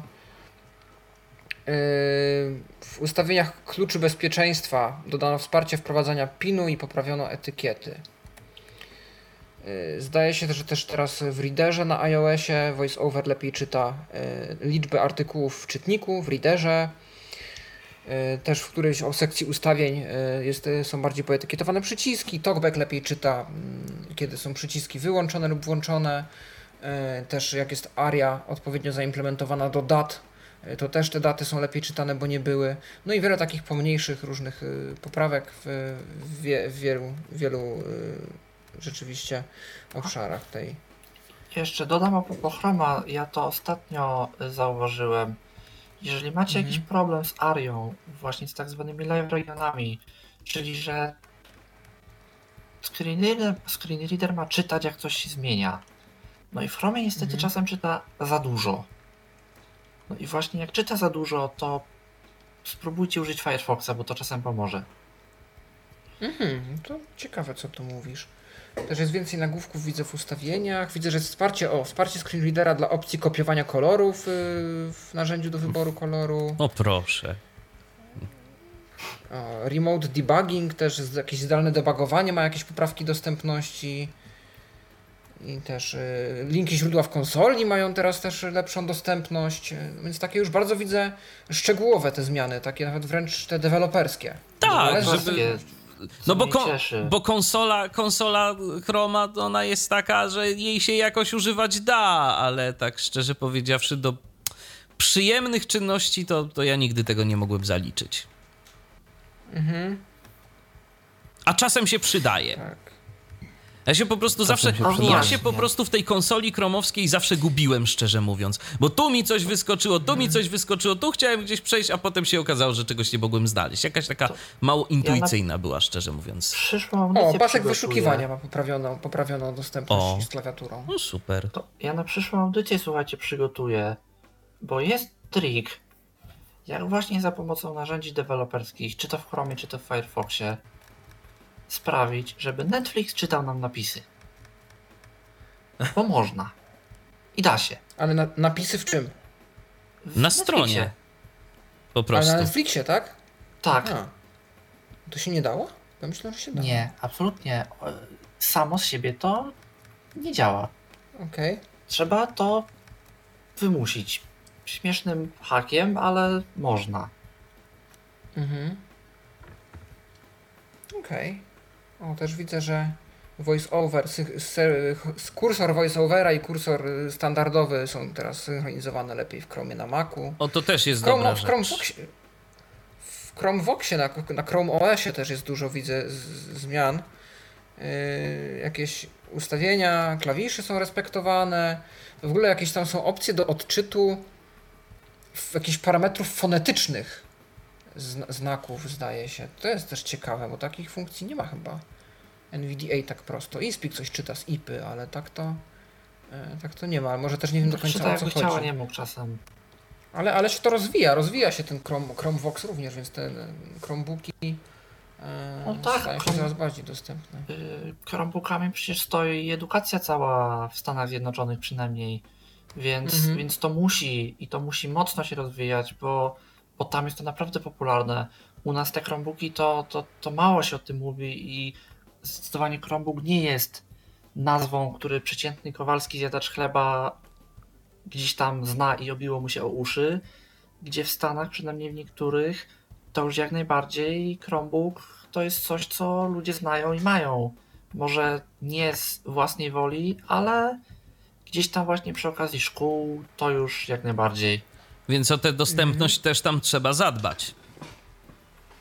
No, bo w, sta- bo w Stanach to już tak, bo w Stanach to już grozi albo w najlepszym razie jakimiś pozwami, a w najgorszym tak naprawdę tym, że zostaniemy wykluczeni z jakiegoś poważnego przetargu na przykład. Dokładnie. Przecież tak samo Google Docs. Przecież to musi być dostępne i to musi być dostępne całkiem, całkiem dobrze, bo to jest wykorzystywane po prostu w zbyt wielu miejscach i I dlatego, dlatego ta dostępność tam wcale nie taka zła jest. Przecież były już jakieś sytuacje, że swego czasu niewidomi pozywali jakąś tam uczelnię taką czy inną, że za wykorzystywanie Google Docsów, jak one jeszcze nie były dostępne zbyt dobrze. Także tam po prostu tak, tak jest i trzeba o to zadbać. A właśnie, a propos różnych pozwów i tak dalej, tam swego czasu, to chyba ty Mikołaj mówisz, tam e, przygotowywana jest jakaś e, ustawa a propos tej otwartości większej tych takich gigantów społecznościowych. Nie wiesz, czy tam coś się zmienia Nic więcej nie wiem na ten temat, jaki jest obecny status tego projektu. Przewinął mi się news swego czasu właśnie, że jest to gdzieś tam na etapie przygotowań, ale co się więcej z tym stało, o tym nic mi, że tak powiem, więcej nie wiadomo. Podejrzewam, że jeżeli to będzie na jakimś takim większym etapie i faktycznie będzie to gdzieś tam już przepchnięte, to o tym się będzie mówić dość głośno, bo, Pewnie tak. obecnie sentyment przeciwko Facebookowi jest dość duży, a to będzie jednak Owszem. duży cios. To się zgadza. No i ostatni taki news, to taki pakiet cały newsów poniekąd, no bo są targi. To w ogóle styczeń, luty to jest taki miesiąc targów, bo tych targów to jest sporo. Teraz w Kalifornii, będą w Europie, komputerowe, mobilne, muzyczne będą. To w ogóle tego jest dużo. Teraz jest CS. No i Sisan w marcu potem. I Sisan jeszcze w marcu na dokładkę. A No teraz City? jest CS. Kiedy? Kwiecień? Side City jest maj, kwiecień, maj jakoś tak. W maju prawdopodobnie. Ale chyba Side City jest taki chyba mniej formatowy mimo wszystko, mi się wydaje. No mimo wszystko, ale to jest pierwsza szansa, żeby Europa zobaczyła to, co już wcześniej widziała Ameryka w Sisanie. No tak. No tak, to znaczy to jest trochę tak. Sis, y, Side City chyba dla Sisanu jest czymś takim, co Recha dla Side City, tylko Recha jest bardziej korporacyjna. Znaczy bardziej pod jedną firmę. Ale dobra, to jakby inna rzecz, ale mówię o formacie powiedzmy tej, tej całej imprezy. Okej, ale CS jest w tym momencie i na CS-ie są różne rzeczy. Fajne Owszem. Rzeczy. Na przykład jest Dobra. ekran dotykowy dla urządzeń mobilnych i nie tylko. Yy, się nazywa to wszystko Hub to You, znaczy firma yy, nazywa się Hub to You. Yy, I oni mm, zaprezentowali właśnie na CS-ie Hub to Phone. To jest ekran, który można sobie zintegrować z tak naprawdę dowolnym urządzeniem, bo to nie tylko do smartfonów, ale generalnie z każdym urządzeniem do mm, yy, wyposażonym w ekran dotykowy. Będzie to można sobie zintegrować. No i będzie wyświetlać różnego rodzaju wypukłe rzeczy. Ponoć na przykład mm, takim założeniem pierwotnym było na przykład emulowanie klawiatury, żeby można było pisać na dotykowym ekranie bez patrzenia na ekran. To jest, y, to, to, było, to było jednym z pierwotnych założeń y, tego urządzenia, no ale jak się okazuje, można wykorzystać to y, do różnych rzeczy. Firma mm, działa, zdaje się, od jakichś czterech albo pięciu lat i oni już jakieś sukcesy ponoć mają z tym związane, tylko na razie to jest w jakichś takich bardziej przemysłowych i większych y, instalacjach. Znaczy, jestem ciekaw, bo- Niekoniecznie dla końcowego użytkownika takiego. Z reguły różne Prywatnego. takie rzeczy są pokazywane na targach i to na targach To jest dużo, kończy. potem niewiele z tego wypływa gdzieś nam faktycznie do, do zakupu. To ciekawy jestem, jak to się ułoży. Czy Znaczy, wiesz, ja nie Tomku, mówię, ja, że- myślę, ja myślę, że, że- kwestią jest jak zawsze to, żeby się ktoś duży tym zainteresował. Zainteresuje ci się tym Samsung, to będziesz miał. Zainteresuje się tym no, y, Apple, będziesz miał. Ale wiesz, to, to, to jest y, zwykle tak, że to na takie targi jeżdżą sobie jakieś małe firmy, a podejrzewam, że właśnie tego typu firma nie jest jakąś dużą i robi jakieś podwykonawstwa dla y, znacznie większych firm. No i teraz Albo ktoś jeżeli... ich kupi. Tak, jeżeli ktoś ich tam kupi albo dadzą im zlecenia na tego typu rzeczy, to zobaczymy, ale ja no też nie wierzę, żeby sama firma na przykład wypuszczała jakiegoś smartfona, no bo z, nawet jeżeli wypuści, to znowu się skończy na tym, że to będzie jakaś tyflotechnologia za duże pieniądze, która dostanie jedno wydanie, jakieś, nie wiem, dwie aktualizacje do przodu i na tym się wszystko skończy. Słuchajcie, No bo ja się jakby zastanawiam też nad tym, że y, a propos tych ekranów dotykowych, to, co, to chyba co roku się pojawiają właśnie jakieś informacje. I to nawet Apple miał jakiegoś, jakiś swój prototyp, coś, że tu jakieś hydrauliczne, tu jakieś inne, tu elektryczne, tam, tam jeszcze jakieś tam. I tego było ileś, już od chyba pięciu czy sześciu lat to się o tym regularnie słyszy, że. że... Patenty Apple'a przecież były w tej dziedzinie też gdzieś tam Także prowadzone. Tego jest jakoś dużo, a, a to na razie nie, niewiele się to przekłada na rzeczywistość, ale zobaczymy. No. Ostatecznie kiedyś kiedyś musi być ten pierwszy raz. Wiecie co, bo e, może po prostu jeszcze ten zmysł wzroku, na którym jednak wszyscy bardzo, ale to bardzo polegają oprócz nas, nie jest dostatecznie nasycony jest... i może, i może tu jest kwestia tego, że to trzeba Wiesz po co, prostu... i tak i nie. Mhm.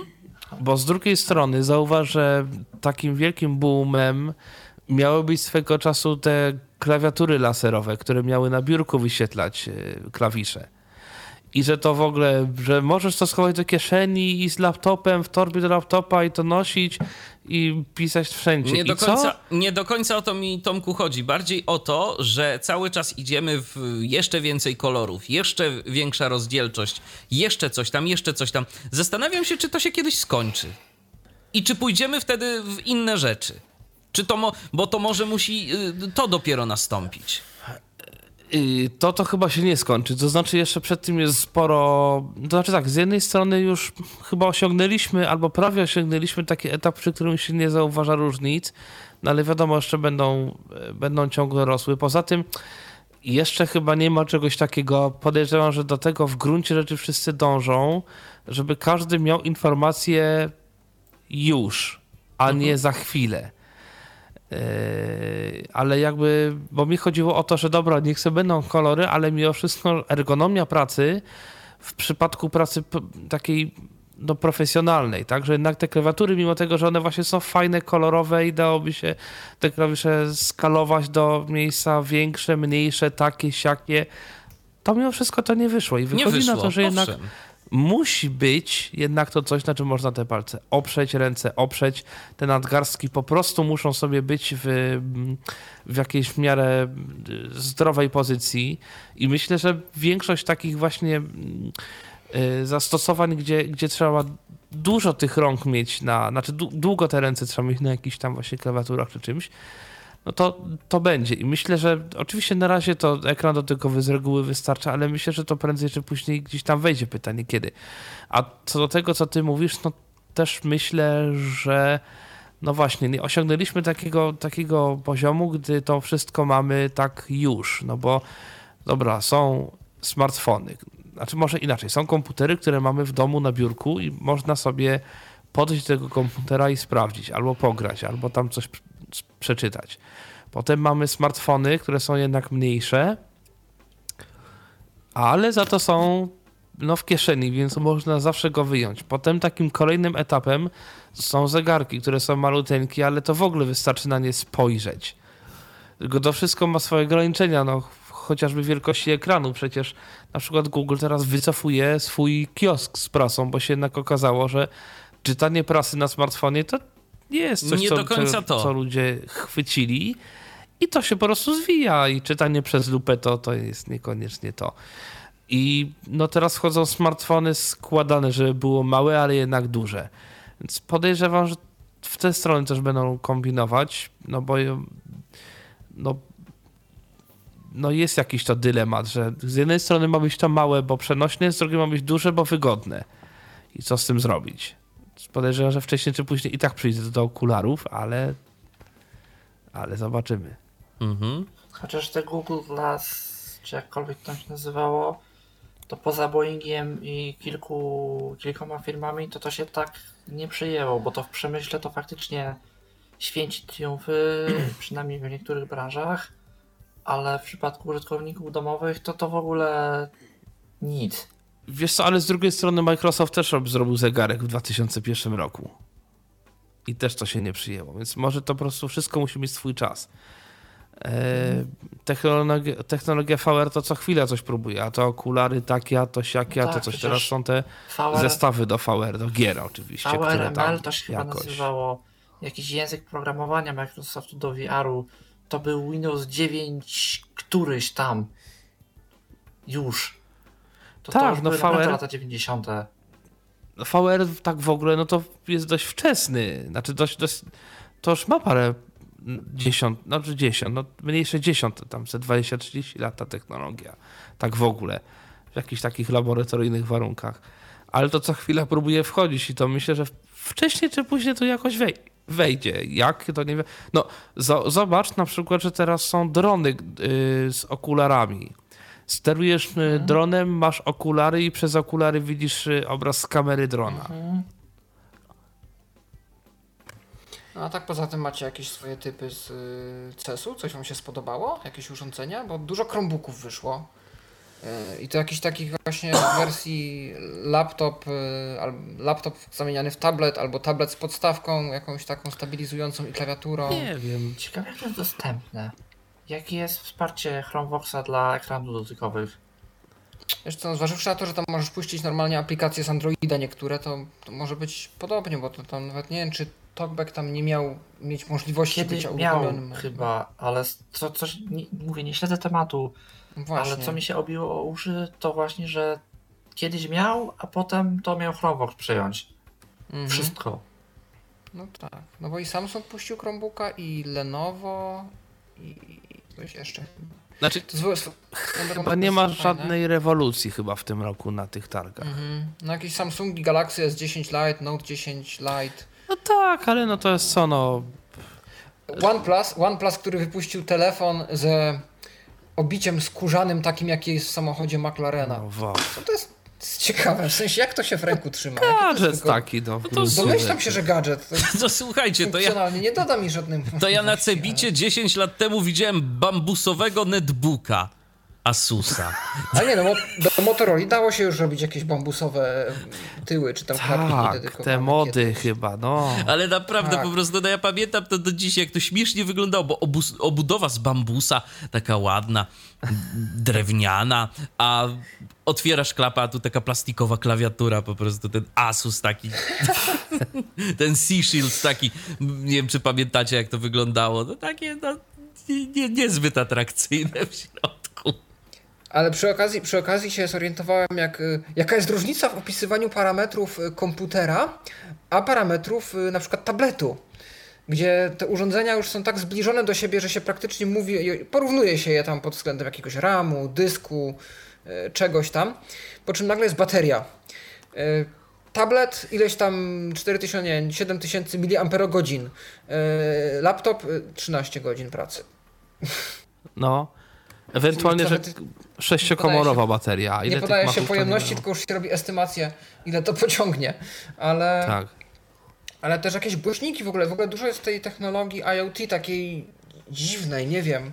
Na przykład inteligentna kuweta dla kota. Ale Albo... kuweta dla kota.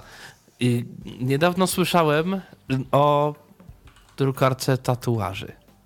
O proszę. A nie, no to spoko, bo to, to popularne, to ludzie by chcieli pewnie, bo to jeszcze Tak, ale to, to są takie tatuaże na chwilę, na jeden dzień. Aha, a I no że robisz tak, na, na ręce i codziennie se zmienia, że masz codziennie inny. To, to wiesz, to ty, tym lepiej. Tak, właśnie to chodzi takie, że do domu, że każdy jeden se to może kupić, masz jakieś wzory i se robisz. I sobie robisz, Sam. No. To ja słyszałem o, ja słyszałem o tosterze z drukarką, który wywalał ci tosta i po jednej stronie miałeś jeden obrazek, po drugiej miałeś drugi obrazek Łączyło się to z jakiegoś Wi-Fi, z jakąś grafiką Google'a czy z czegoś.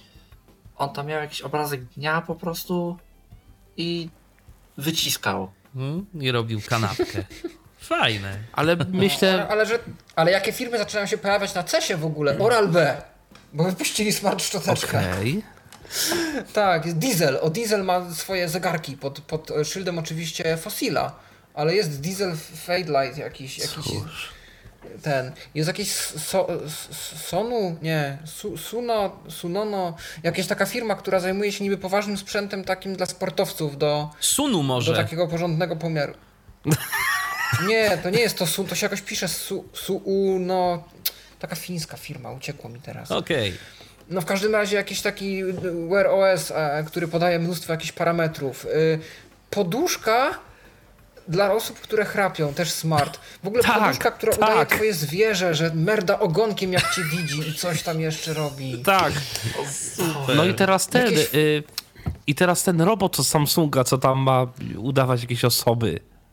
Tak, y, odkurzacz znaczy... Robo, który, który pamięta, gdzie skończył i jak się naładuje, to zacznie z tego miejsca, gdzie skończył, bo ma całą mapę mieszkania zaprogramowaną. A to już nie, to już było. To już i Xiaomi ma, okay. i ten nasz ma nawet, ten A, Monewal. To tak, nie, to ten nasz faktycznie podjeżdżał sobie do bazy, ładował się, jechał gdzie skończył i dawał dalej. Takie zakładki jak w tym, jak w audiobookach albo w mhm. podcastach. Mm -hmm gdzie skończyłem sprzątać. E, ale I, I Xiaomi na przykład w tej najnowszej to pewnie nie jest dla nas dostępne, ale tę mapę jeszcze rysuje na smartfonie i da się na przykład powiedzieć, że tu nie odkurzaj. I robić tak, takie wirtualne tym, ściany, tym, ale takie rzeczywiście wirtualne. To nie takie jak w tym, Jak w rumbach. jak w rumbach, tylko faktycznie tu masz pomieszczenie, tu tak, tu nie. No widzisz.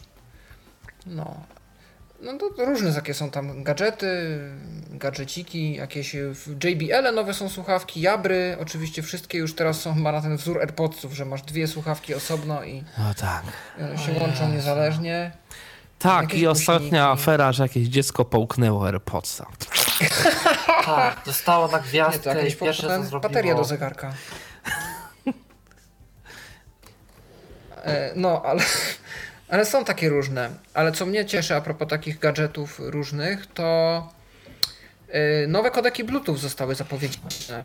LC3, yy, które mają bazować na low energy Bluetooth. I po low energy mamy teraz się łączyć z naszymi głośnikami, słuchawkami nie tylko na proces parowania, ale na cały czas. I mamy zużywać mniej baterii albo umożliwiać producentom wkładanie mniejszych baterii, przez co zmniejszanie urządzeń, jednocześnie zachowując niskie opóźnienia i wysoką jakość dźwięku. No pewnie dużo w tym obietnic, zobaczymy co, ale co ciekawsze to, że ponoć ma być jakaś technologia e, broadcast, dzięki której jedno urządzenie może wysyłać zsynchronizowane strumienie dźwięku na kilka odbiorników, na kilka głośników albo kilka słuchawek. I podane zastosowania są takie, żeby każdy mógł w kinie oglądać na swoich słuchawkach słuchać, znaczy na swoich słuchawkach słuchać dźwięku, albo na lotnisku każdy może słuchać tego telewizorka, który tam coś gra dla pasażerów na, w czasie oczekiwania na lot, bez przeszkadzania tam, że dźwięk leci na całą halę. Tylko każdy ma słuchawki, kto chce słucha, kto nie chce, ten nie. No ja tak, albo ciekaw, deskrypcje chociażby ciekawe. No właśnie. No, no. to może, może kiedyś będzie. To jak już jesteśmy przy takich gadżetach, to pójdę w coś bardziej ekstremalnego.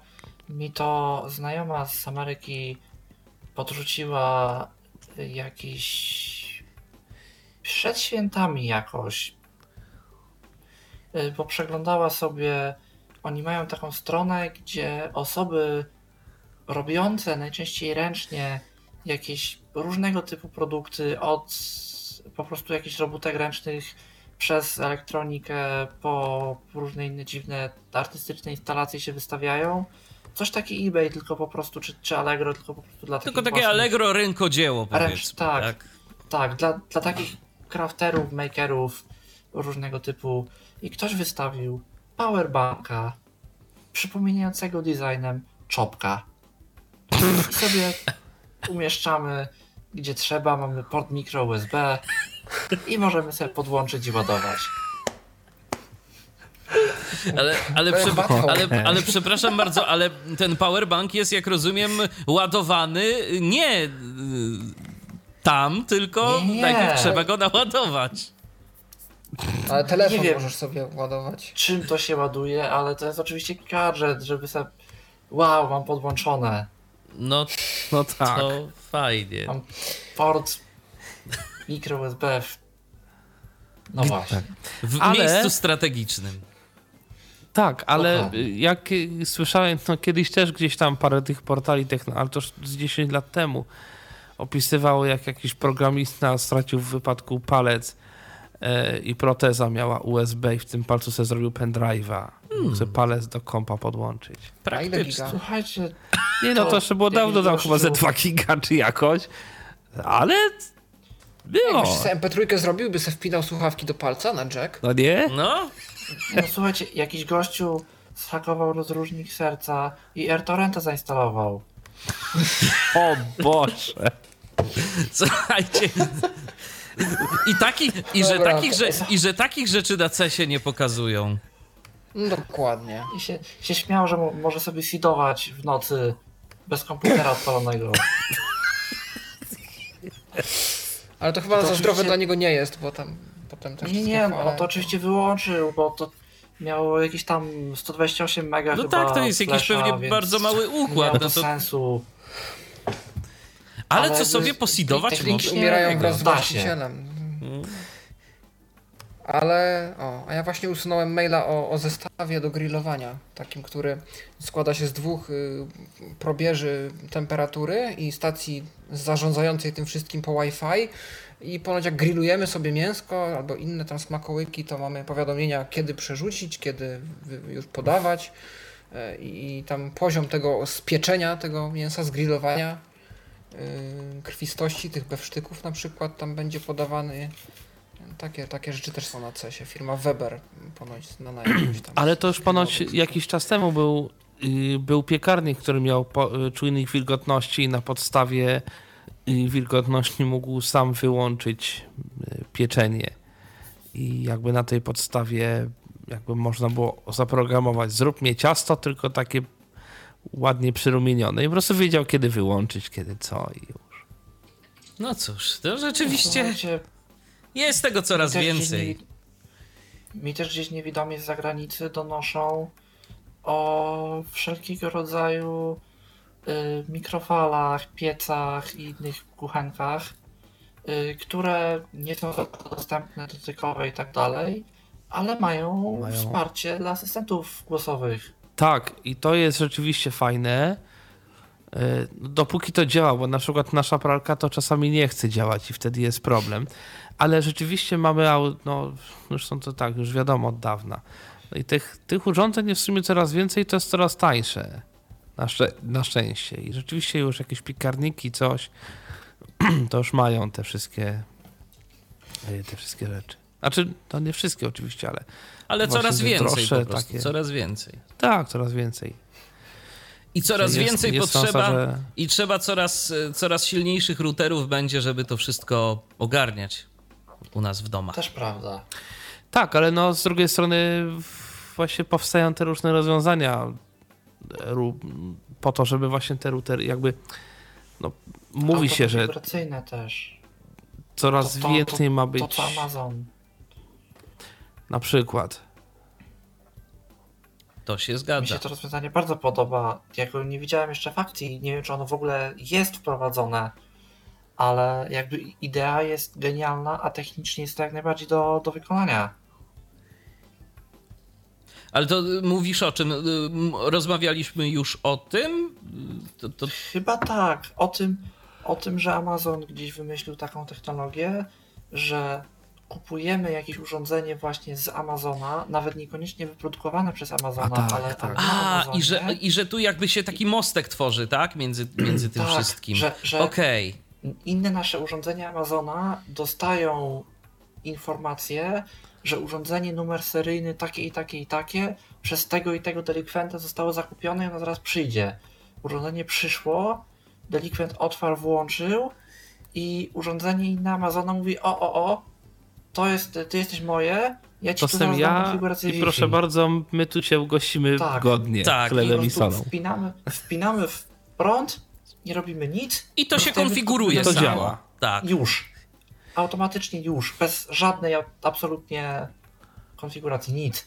Super. No. Na razie Amazon, ale ciekawe, czy jakiś Ale będzie to taki spokojnie. protokół. Myślę, że za jakiś czas. No to myślę, że wcześniej czy później, no. Tak. Ostatecznie Ju, Ostatecznie- Już to nowe Wi-Fi, już to nowe Wi-Fi coś tam kombinuje z jakimiś kodami QR, że wpuść do Wi-Fi przez kod QR, coś tam. Zresztą, zresztą takie coś już wprowadził i to działa w Apple'u.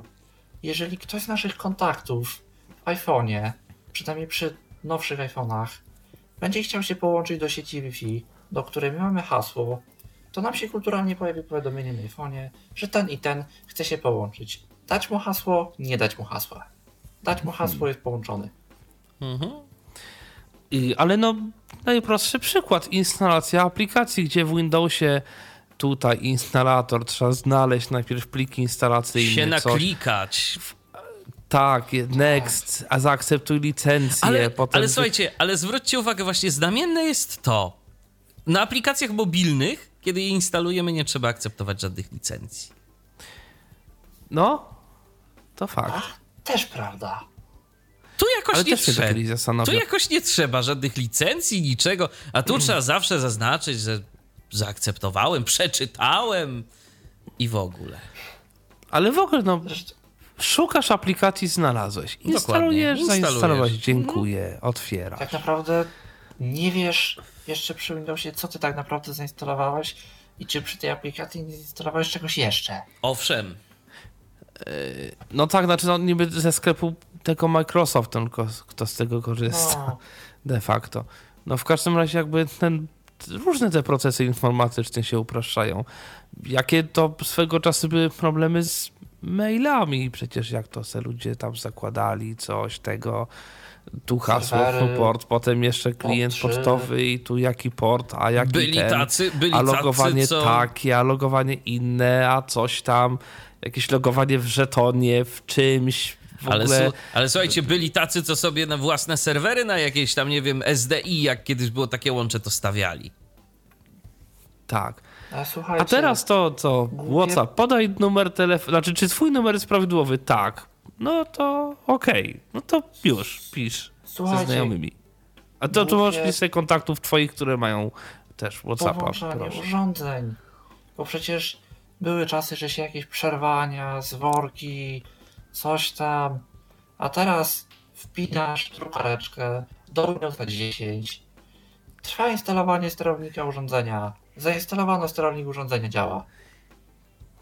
Ale przecież tam w XPEC-u instalujesz urządzenie, no to był ten kreator, że zainstaluj oprogramowanie z dysku, z czegoś, albo wyszukaj w Microsoft, albo zainstaluj z pliku, potem, a ten nie przeszło certyfikatu, mimo to kontynuuj i tam coś jeszcze. Dokładnie.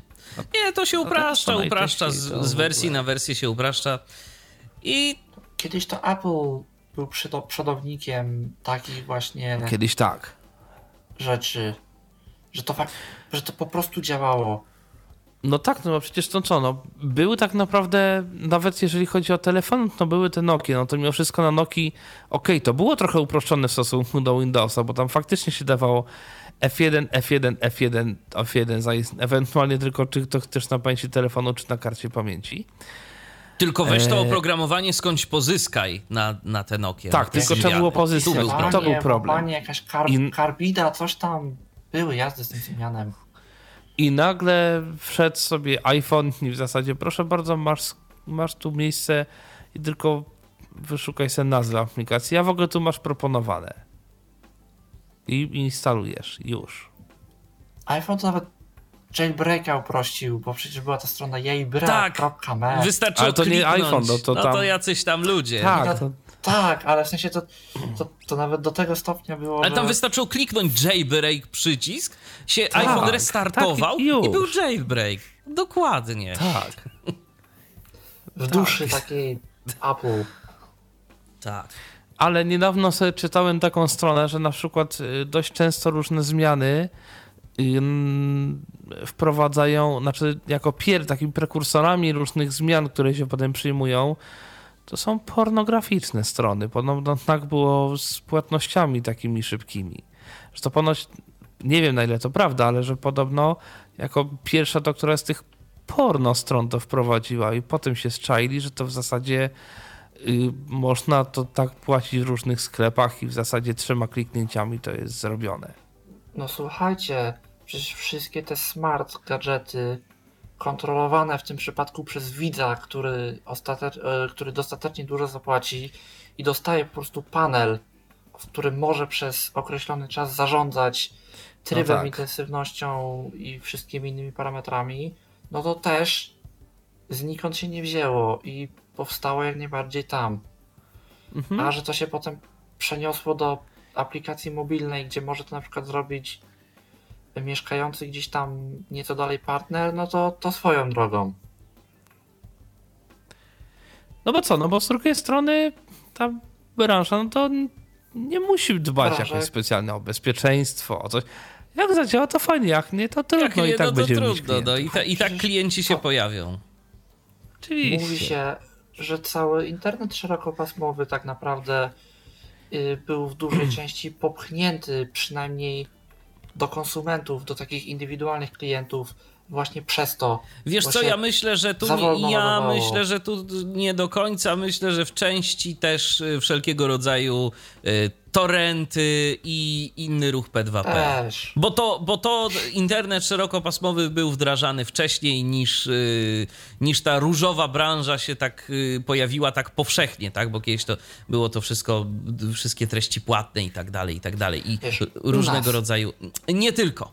Mm, mam wrażenie, że nie tylko. Mam wrażenie, że to jednak nie tylko tak. Ale możesz mieć rację.